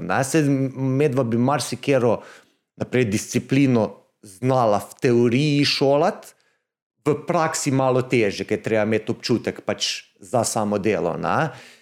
Ej, mogoče, mogoče ravno to, ne? kot sem rekla, medva se usmerjava v socializacijo, a, resocializacijo, kakorkoli boste pač temu rekli, um, psov v skupini in povezavo med vodnikom in psom. Ne? Se pravi, neko življensko učenje sobivanja, ne? bi temu rekli. Kako živeti s psom, dobesedno. Tako. In um, po drugi strani pa se niti ne posvečamo določenim disciplinam, uh, določenim poslušnostim, uh, obrambi, vem, šolanju agresivnih psov uh, in podobnih uh, zadev. Tako da um, zelo rade volje pošljeva uh, tečajnika ali pa ga usmeriva v smer, ki jo rabi, ki jo išče, ki jo njegov pes potrebuje. Ne? Če vidimo v nekem psu um, potencial ali pa nadarjenost za neki, če je pa slovski, ga pošljeva na mentrailing, ga pošljeva na ne vem, To je, mislim, da ena stvar. na neki. Ne? Se pravi, pač jaz mislim, da moraš biti, da moraš najti v kinološkem svetu ali pa v nasplošno pri psih nekaj, v kaj se boš poglobil in ne improviziral z drugimi stvarmi. Ne? Čeprav poznaš koncept dela. Mislim, da zaradi tega je tudi toliko izjemnih inštruktorjev, res izjemnih inštruktorjev, ki znajo delati s psi, ne delajo pa z ljudmi. Na podoben način, kot si sama rekla. Ne? Všeč so jim discipline, všeč jim je razvijati odnos, všeč jim je šolati psa, pa jim ni všeč delo z ljudmi. Ne? Se sama dva poznamo, ker neki inštruktor, ko ima isto situacijo, ne? ko je tisto.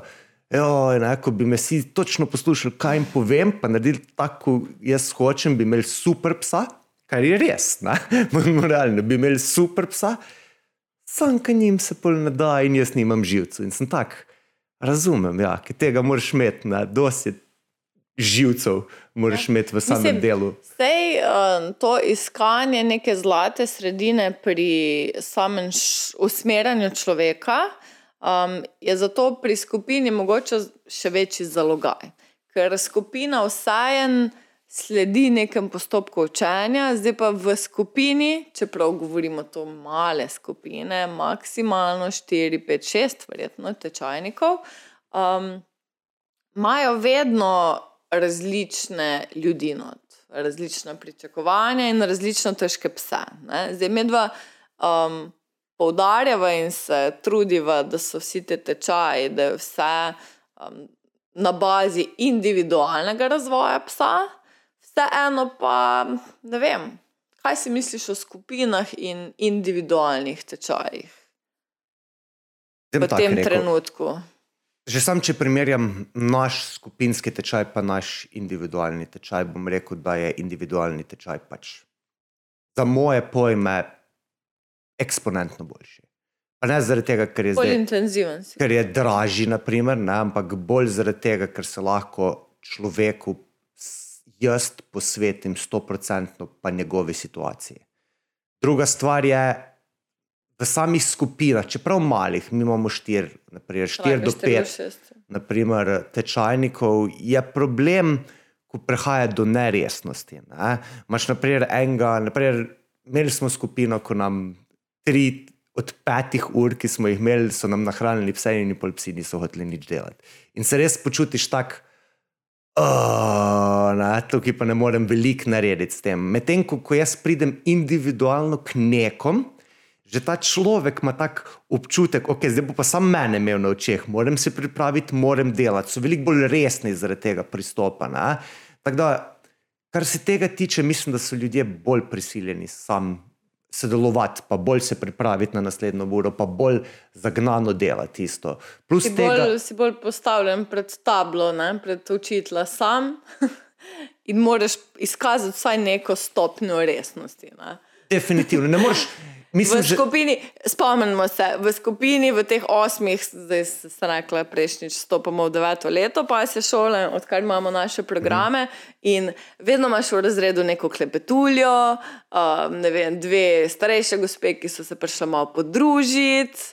Uh, pa imaš enega zelo zagnanega, ki bi bil za višji nivo v neki šoli, um, ampak mu gre na živce, ki ga pa nekdo bremza, in pa imaš tam enega, ki je zelo netalentiran za delo s psom, pa moš njega usmeriti. Ne? In pa je to dinamiko, ker um, se ti gre dobro. Ne? Ampak, ne, ne, pa se ni problem o tem. Sej... Še vedno vsak ne dobi, ali pa ta, ki je najbolj zainteresiran, ne dobi toliko, kot bi dobil na nekem, če prideš ti k njemu domov. Ja, to pa ni primerjave. Jaz, če dobim, naprimer, se, ten, se mi zdi, da v skupinskem delu najbolj nastradajo. Tisti zagnani, ko si res želijo ful napredovanja. Ne?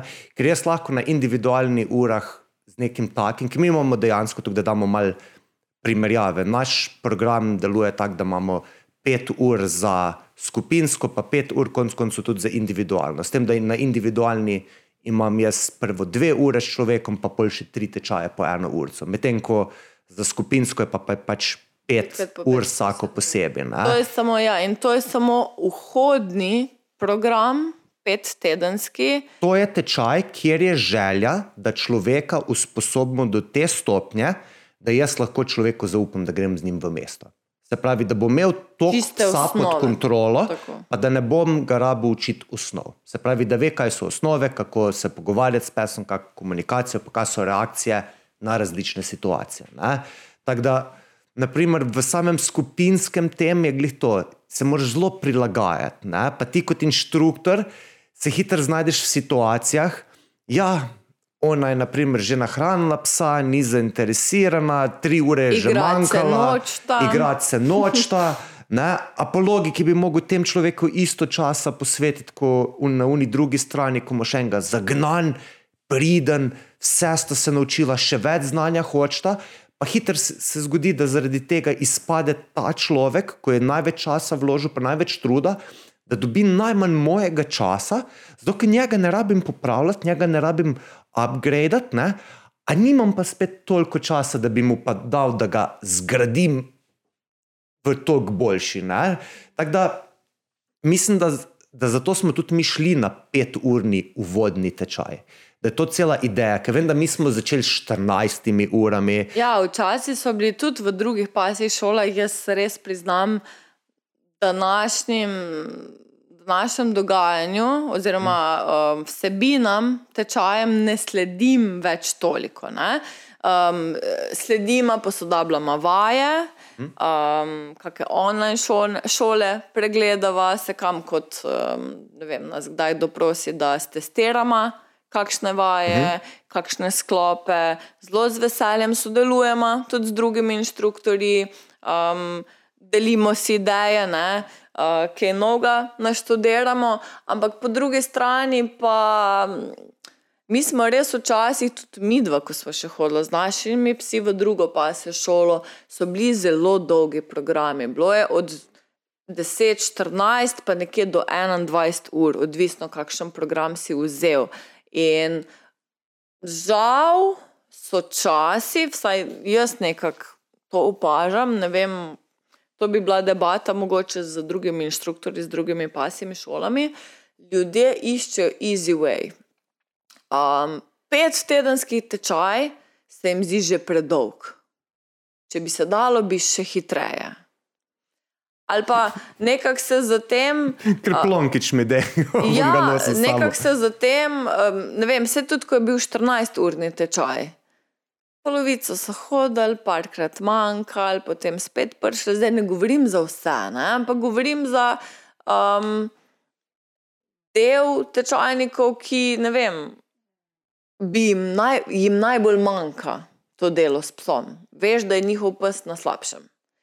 In zdaj naredila smo tako enostaven koncept teh petih tednov s podporo spletne učilnice z vsemi posnetki, z vsemi razlagami, napisanimi, govorjenimi, posnetimi. Um, pa še kar se mnogo katerim ljudem zdi to preveč.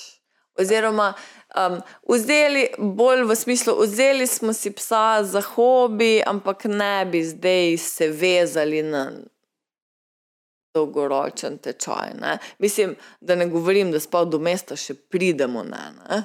Evo tako bom rekel. Zdaj jaz mislim, da smo mi s temi, tako si rekla, da smo začeli 14 uram, pa smo zdaj že na pet, na pet prišli. Jaz mislim, da je največji problem bil glih ta prehod na male skupine. Kako smo mi začeli z malimi skupinami, je tukaj postal problem, če en tečajnik neha hoditi, se ta skupina za bistveno večji procent zmanjša, kot se je zmanjšala prej. Ti si prej imel deset tečajnikov in ti je bilo dost vse eno, kot pa se šola govorim. Če je en odpovedal, ki si imel, ok, bojo teh ostalih devet imeli še veliko več mene. Ne? In posledično so te tečaji imeli toliko več ur, ravno zaradi tega, ker so vedeli, da ne morejo zelo hitro napredovati, ker jih je veliko in so imeli vem, 20 ur. Vem, da so tukaj na Senovem, da so imeli 40 ur tečaja in so lepo počasi jemali. In bomo realni, če hodiš na 40 ur tečaja, pa ni hudiče, da se boš nekaj naučil. In so delali že tak princip, ko smo ga konec koncev tudi mi zdaj na en način posvojili. Ker mi imamo 5 ur, da tebe naučimo, bolj začnemo se pa bolj psu se pravi, da psa nadgrajujemo. Sam da ne... spravimo eh, osnove v prakso.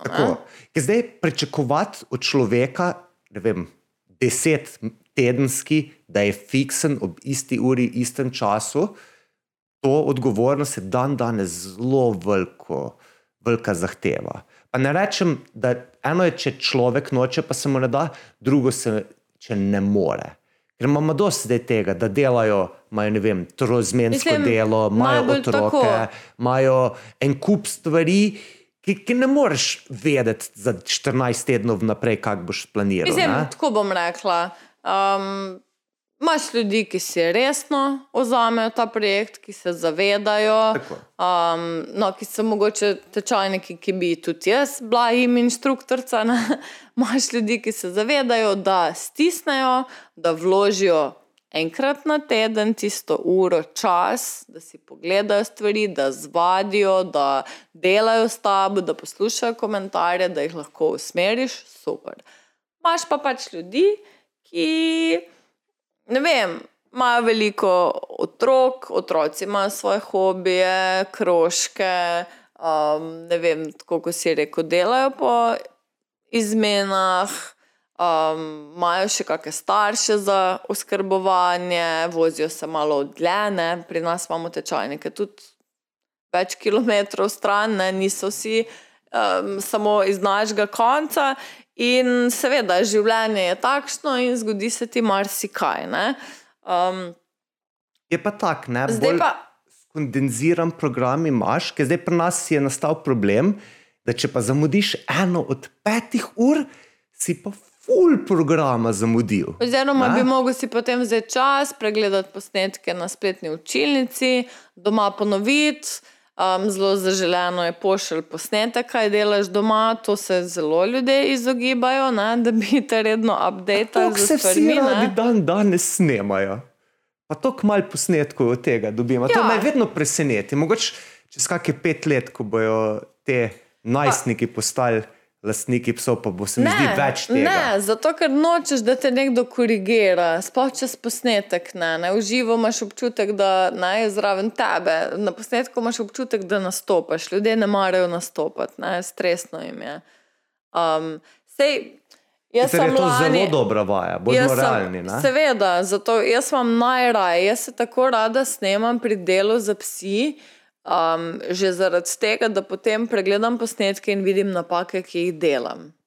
Jaz želim videti svoje napake, ali pa želim tebe, da me gledaš, da mi poveš, kje uh, se zataknem, pa niti ne vem, da neki podzavestno, mogoče mm kak gib naredim. Ne? In zato je dobro imeti inštruktorja, ne? zato je vedno dobro iti v pasjo šolo, ne glede na starost psa, ker inštruktor ve tiste mikro problemčke, mikro tvoje gibe in ti jih bo znal izpostaviti. Ker eh, zdaj sem se ravno spomnila, lani sem preko online ene izmed šol, od ene super inštruktorice, vzela uh, dva programa, v katerih je v bistvu. A to se sliši v mikrofonu? Ja, definitivno se sliši, Hani. Gospa Hani, kaj bi želela povedati? Um, ja, v glavnem, in smo vzeli s Hanko super programe, um, pri katerih si se mogel v forumu tudi posneti in posnetek poslati, poslati inštruktorci. Uh -huh. In uh, moram reči, da uh, je bila super odzivna. Uh, Res je šla v detajle, res je svetovala super izkušnja, ki je nisem niti jaz do konca izkoristila, niti noben od tistih tečajnikov.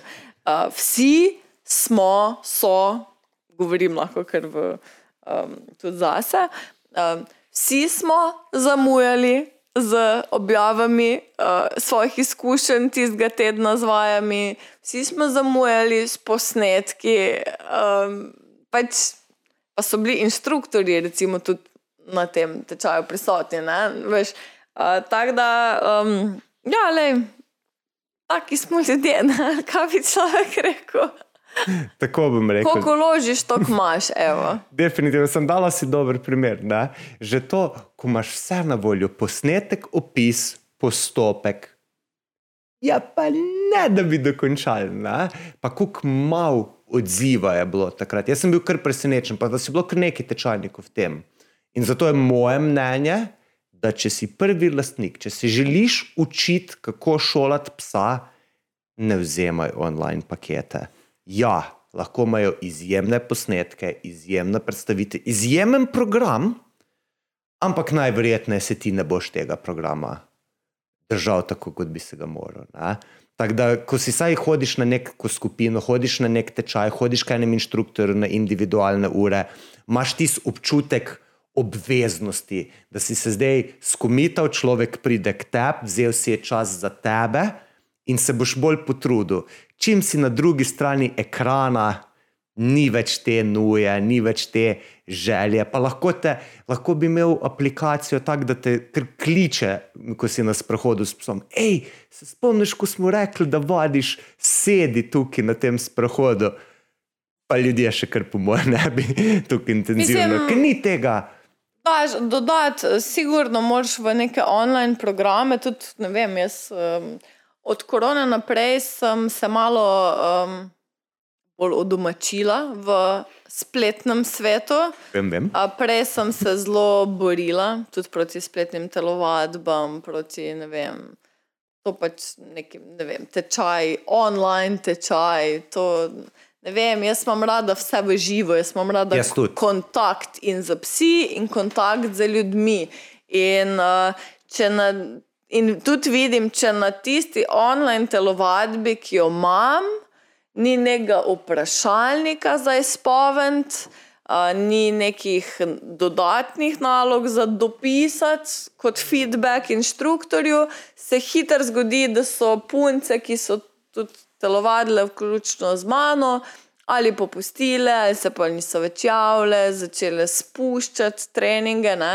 Um, Tako da, ja, fizična pa se šola, definitivno, obogatitev, dodatne ja. vaje online. Mislim, medva, jaz um, zelo rada, kak program še zraven za vzamem. inspiracijo, če ne drugega. Se to, Tako, tukaj ni nič slabega glede tega. Ne rečem, da za dodatek znanja, da bi kaj več delal s psom. Ne? Konec koncev, naprej za mene pa dono so online tečaji eni najboljših virov, kako dobiti znanje. Ker jaz vem, da medva, čeprav si se ti upisala na ta tečaj, smo zelo bolj opazovala, kaj je inštruktorica delala, kako je delala, s psom, na kak način pa kaj je želela doseči. ne. Ti je kot kinologu, pa nekom, ko delaš s psom, veliko znanja dobiš. Medtem ko po moje, kot nek tečajnik na tem programu, ko ne poznaš sistema, pa ne pobereš toliko, kot smo, Mislim- naprimer, medva iz iste situacije. Ne? Svojih napak ne vidiš. Ne? Svoj definitivno ne ne. vidiš ne. ti, kaj delaš na robe. Potem, Veš, časa je še ful malo. Napak inštruktorja. Naprimer, v online tečajih zelo hitro izpade, kot da so perfektni. kot Da, veš, kaj so zelo zrezani posnetki, bolj tako prirejeno. vse v prvo naredi. Vse v prvo naredi in si hitro tak, ja, ok. na. Medtem ko v živo, ko jaz naprimer, že vzamem njihovega psa, pa naprej v prvo ne rata, vidi, kako se prilagodim prvem neuspehu. Vidijo cel postopek, kaj gre neuspeh, neuspeh, naredim vajo malce lažjo, malce lažjo, nam uspe, vajo malce težjo, malce težjo, pa na tisti rezultat, ko nam je ž- željen priti. Naprimer, mnogokrat tega v samih teh online učilnicah ne vidiš. Ker, naprimer, medvo imamo dosta tako online učilnico narejeno, ko imamo videe gor, da smo dosti v enem teku vse posnela. Se pravi, če psu ne rata, smo pač ponovila, ne glede zaradi tega, da vidijo, da tudi naši psi ne bojo vedno 100% iz prve vse naredili, da se tudi čez naše napake lahko učijo. ne. Pa, zdi se mi prednost teh posnetkov, hm? ali pa posnetkov nasploh, ki jih eh, tudi včasih javno objavimo, Ja. um, da sva do takšne stopnje pristna in realna, um, da nič vnaprej ni pripravljeno. V konceptu tako vse, kar govoriva in kar govoriva zdaj, in kar piševa, s čim se javljava, stojimo za tem. Mislim, Um, tega, Živimo to, ne? Ja. živimo to, Ja, kar, kar definitivno. pričamo, kar govoriva ljud, ljudem. In posnetek, ki ga posnamem jaz za en trik, je dejansko pijem kavo, joj, zdaj le bi lahko posnela en video za tečajnike in dam v tistem šusu telefon na mizo, primem, ne vem, priboljške igračo, pokličem psa in posnamem. tako bom rekel, To je od, to. odkar smo začela delati tako TikTok kot podcast, sem naletel na ene, dva, tri komentarje, ko so me prav vprašali. Jaz ne vem, kje si vedva stono, zame to je toliko časa, da si pripravlja te stvari, pa to, pa se jaz vedno smejem. Predpriprava. Ja? Jaz, po moje, večino teh TikTokov, ko ljudje mislijo, da so skript, pa to jaz grem dobesedno, do kdo nakuha na balkon. Posnamem dve minute posnetka, zrežem je objavljen, dokler jema. Ne? In do na isto, gre se z mačkami gor igrati, postavi telefon, mogoče bo pa kak zabaven posnetek nastal Tako. iz tega, ne? pa daš en komentar, dva in to je to. In če živiš to, pa če delaš skozi to, ni težko vsebino narediti. ne. Seveda, mislim, vsebina je to, vsebino živiš. Vsebino živiš, Tako. konflikte živiš med psi, živiš pubertetniške zanke, živiš mladičke. Mislim, tukaj sva, to sva midva. Ne? Točno to. Uh, in zato sem jaz tako vesela, da v bistvu lahko deliva del sebe. Ne? In si zelo, zelo želim, da se ljudje zavedajo, da greva v vsako stvar sam z nekim konceptom. Tudi v podcast. Danes bova gov- bova govorila o šolanju. Pika, prižgi mikrofone, deva govoriti. Napisala smo si celo listek, ki ga nismo pogledala. Enkrat. Ja, danes smo določili teme. Uh, in jaz mislim, zdaj, ko si že ta listek omenil, ne, um, na tem listku. Našel sem ga. Zmečkanje tla. No, ampak recimo na tem listku se je v bistvu kar sledimo konceptu, kar smo se pogovarjali. Um, mogoče um, smo se, preden smo zdaj le malo zašla. Um, pogovarjala smo se o skupinah in o individualnih tečajih. In o tem, da je individualen tečaj tako bolj intenziven, pristen in ena na ena, da se vedno bolj pogovarjamo v smeri, da bi vsaj osnovni um, stop v te urbane tečaje, ko se skozi celo leto odvijajo, bil vedno individualen. To je po moje ideja, ki jo predvsem zadnji teden, zadnja dva tedna, vse čas počasi kluvam v, v Markotovo glavo. Um, ker enostavno dobiš tak največ. Kot ja, pasega sopotnika. Ne? Definitivno. Mislim, opažam že naprej doskrat razliko, ko pridejo tečajniki na naše nadaljevalne tečaje. Koliko sem samozavesten v tečajnika, ko je skupinski tečaj delo, pa tečajnika, ko sem jaz pet ur z njim eno na eno delo. Ne? In imam samozavest v te tečajnike bistveno više. Ne? In iz tega razloga mislim, da bomo res osnovne tečaje čisto izklopila, pa pol samo individualen postane pač vstop v naš nadaljevalni tečaj. Tako, skupina, definitivno, ali pa ta vstopni program je res osnova dela z psom. To je treba um, in to vsem polagam na srce. Mene ne zanima, če vas, vaš pes zna sedi. Ne. Mene zanima, kako se bo vaš pes vedel, ko greste na sprehod v mesto. Mene zanima, kako se bo vaš pes odreagiral, ko bo drug pes v gostilni začel lajati. Mene zanima, kako bo vaš pes reagiral, ko greste na sprehod, pa bo do vas prišel uh, spuščen pes. To. In teh, ta pet tedenski tečaj, ali pa teh pet ur, lahko je tudi osem ur, pa se ne gre za cifro, ampak gre se za to, da to znanje je potrebno prevesti v neke situacije, v realne situacije. In to pa so ti naši urbani tečaji, urbanko, drilko, odzivko, uh, trikcar, konc koncev. Um, tečaji, ki so ongoing skozi celo leto, pridružujejo se nam ljudje, ko so že tri leta nazaj osnove naredili ko bi sam radi kot rekreacijo hodili, pridružujejo se nam novi ljudje. In to je to, to so te tečaje, ki jih pa mogoče premalo ljudi izkoristijo. Ja, to se mi zdi. To sem jaz razočarana zadnja leta.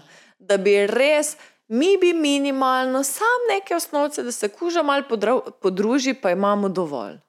Ter, mogoče imamo tudi medva malo. Odpeljan feeling zaradi cele te korona zadeve, pa se je vse odpovedovalo, pa to.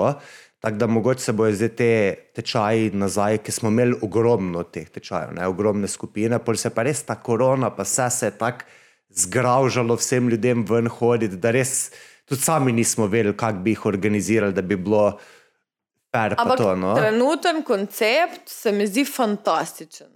Ja, to, to, pa kako ste se borili proti njemu? Jaz sem takrat ja. že govoril, ja, da se res. mi ne zdi ideja fiksnega tečaja dobro, ker spet pridemo na to, kar smo prej govorili. Da če ga naredimo pod korožek, vsak človek, ko, če si hodil na naš tečaj, pa si opravil pet ur tečaja, pa če zdaj misliš, da si s tem pet ur tečaja ti izšolal psa, se motiš. Noben ni v petih urah tečaja iz šola psa, se pravi, potrebuješ nadaljevanje. Iti, in zdaj pri nas je samo opcija v tem, da se sam odločiš, koliko časa boš hodil na nadaljevalni tečaj. Ja, in to je tako tricky question. Ne? Ja, ne? Če si zamisliš. Um, sam na hiter en koncept, kaj mi delamo.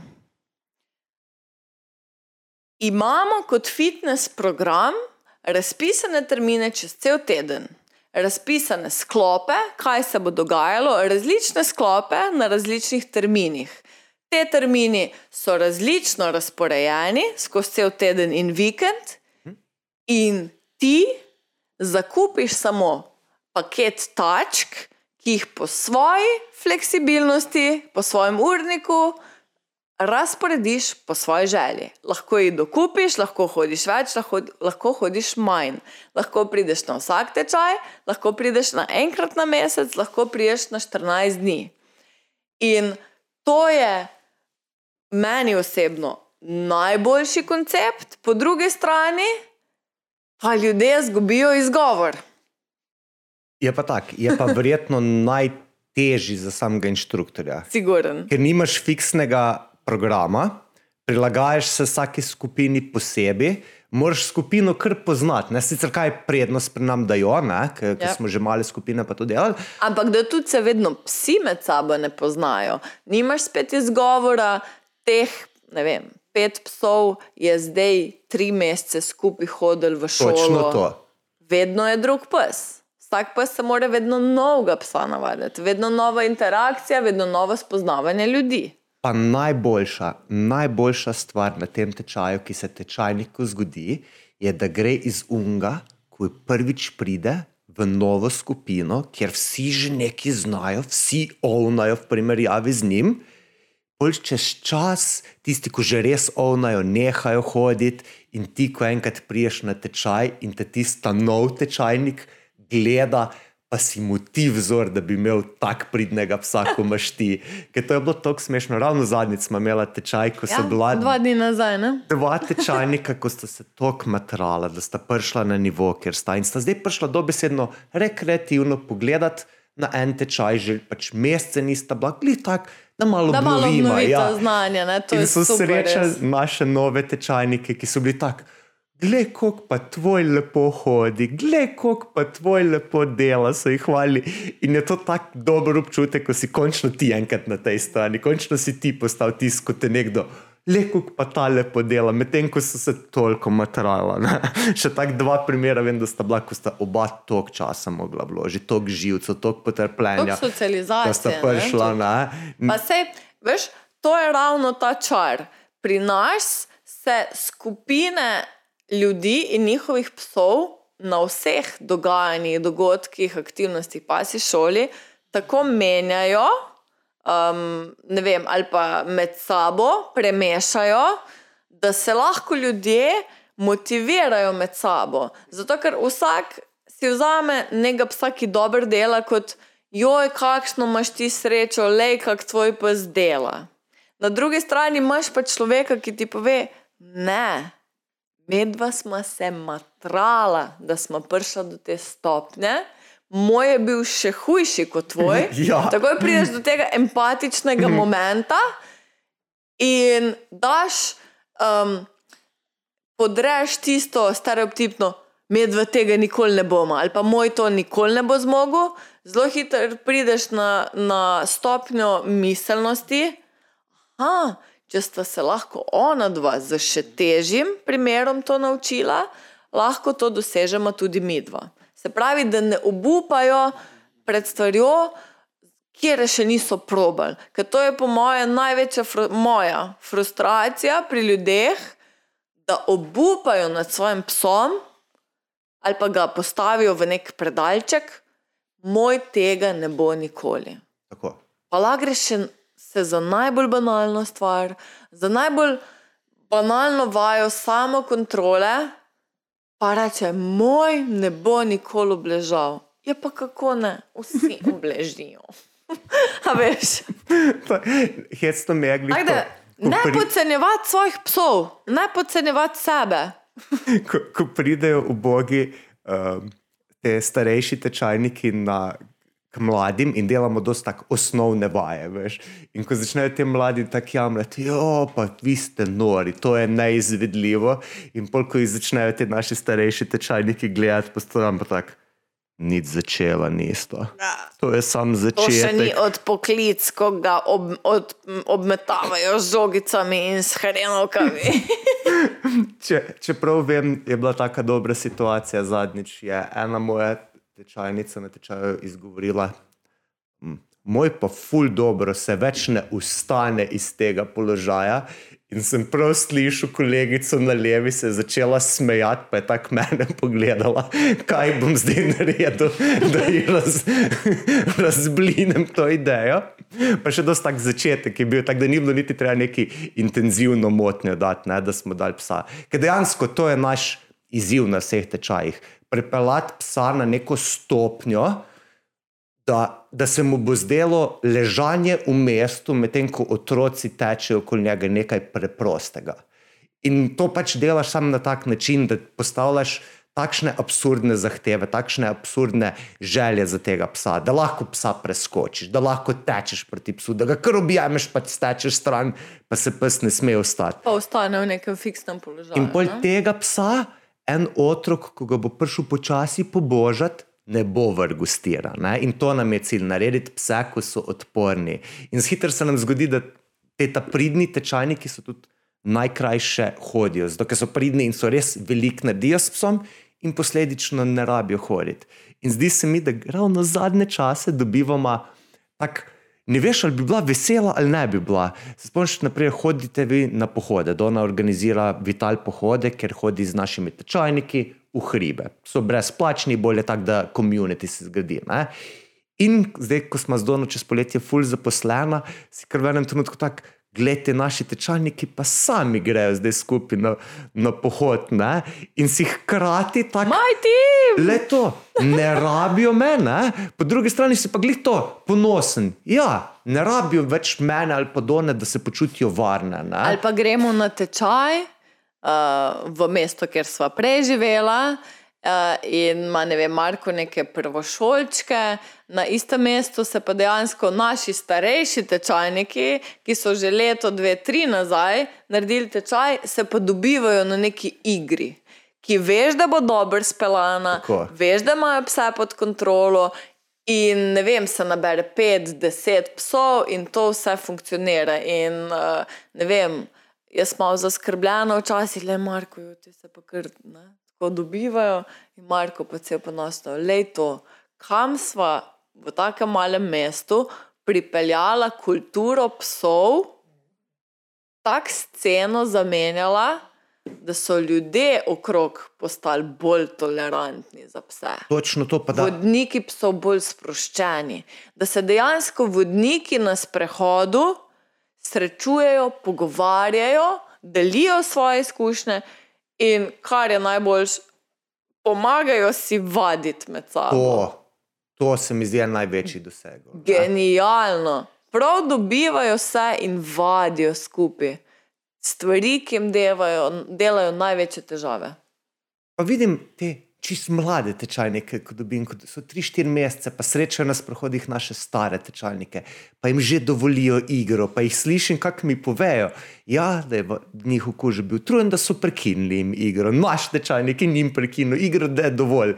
In jaz sem tak, pa to ja. To hočem, hočem stabilne ljudi, da si dejansko želijo pomagati in pri socializaciji, in pri vsem.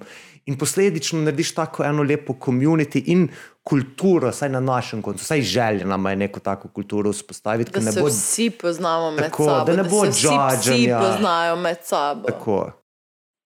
Hvala, da ste bili danes z nami. Se vidimo prihodnjič. Au.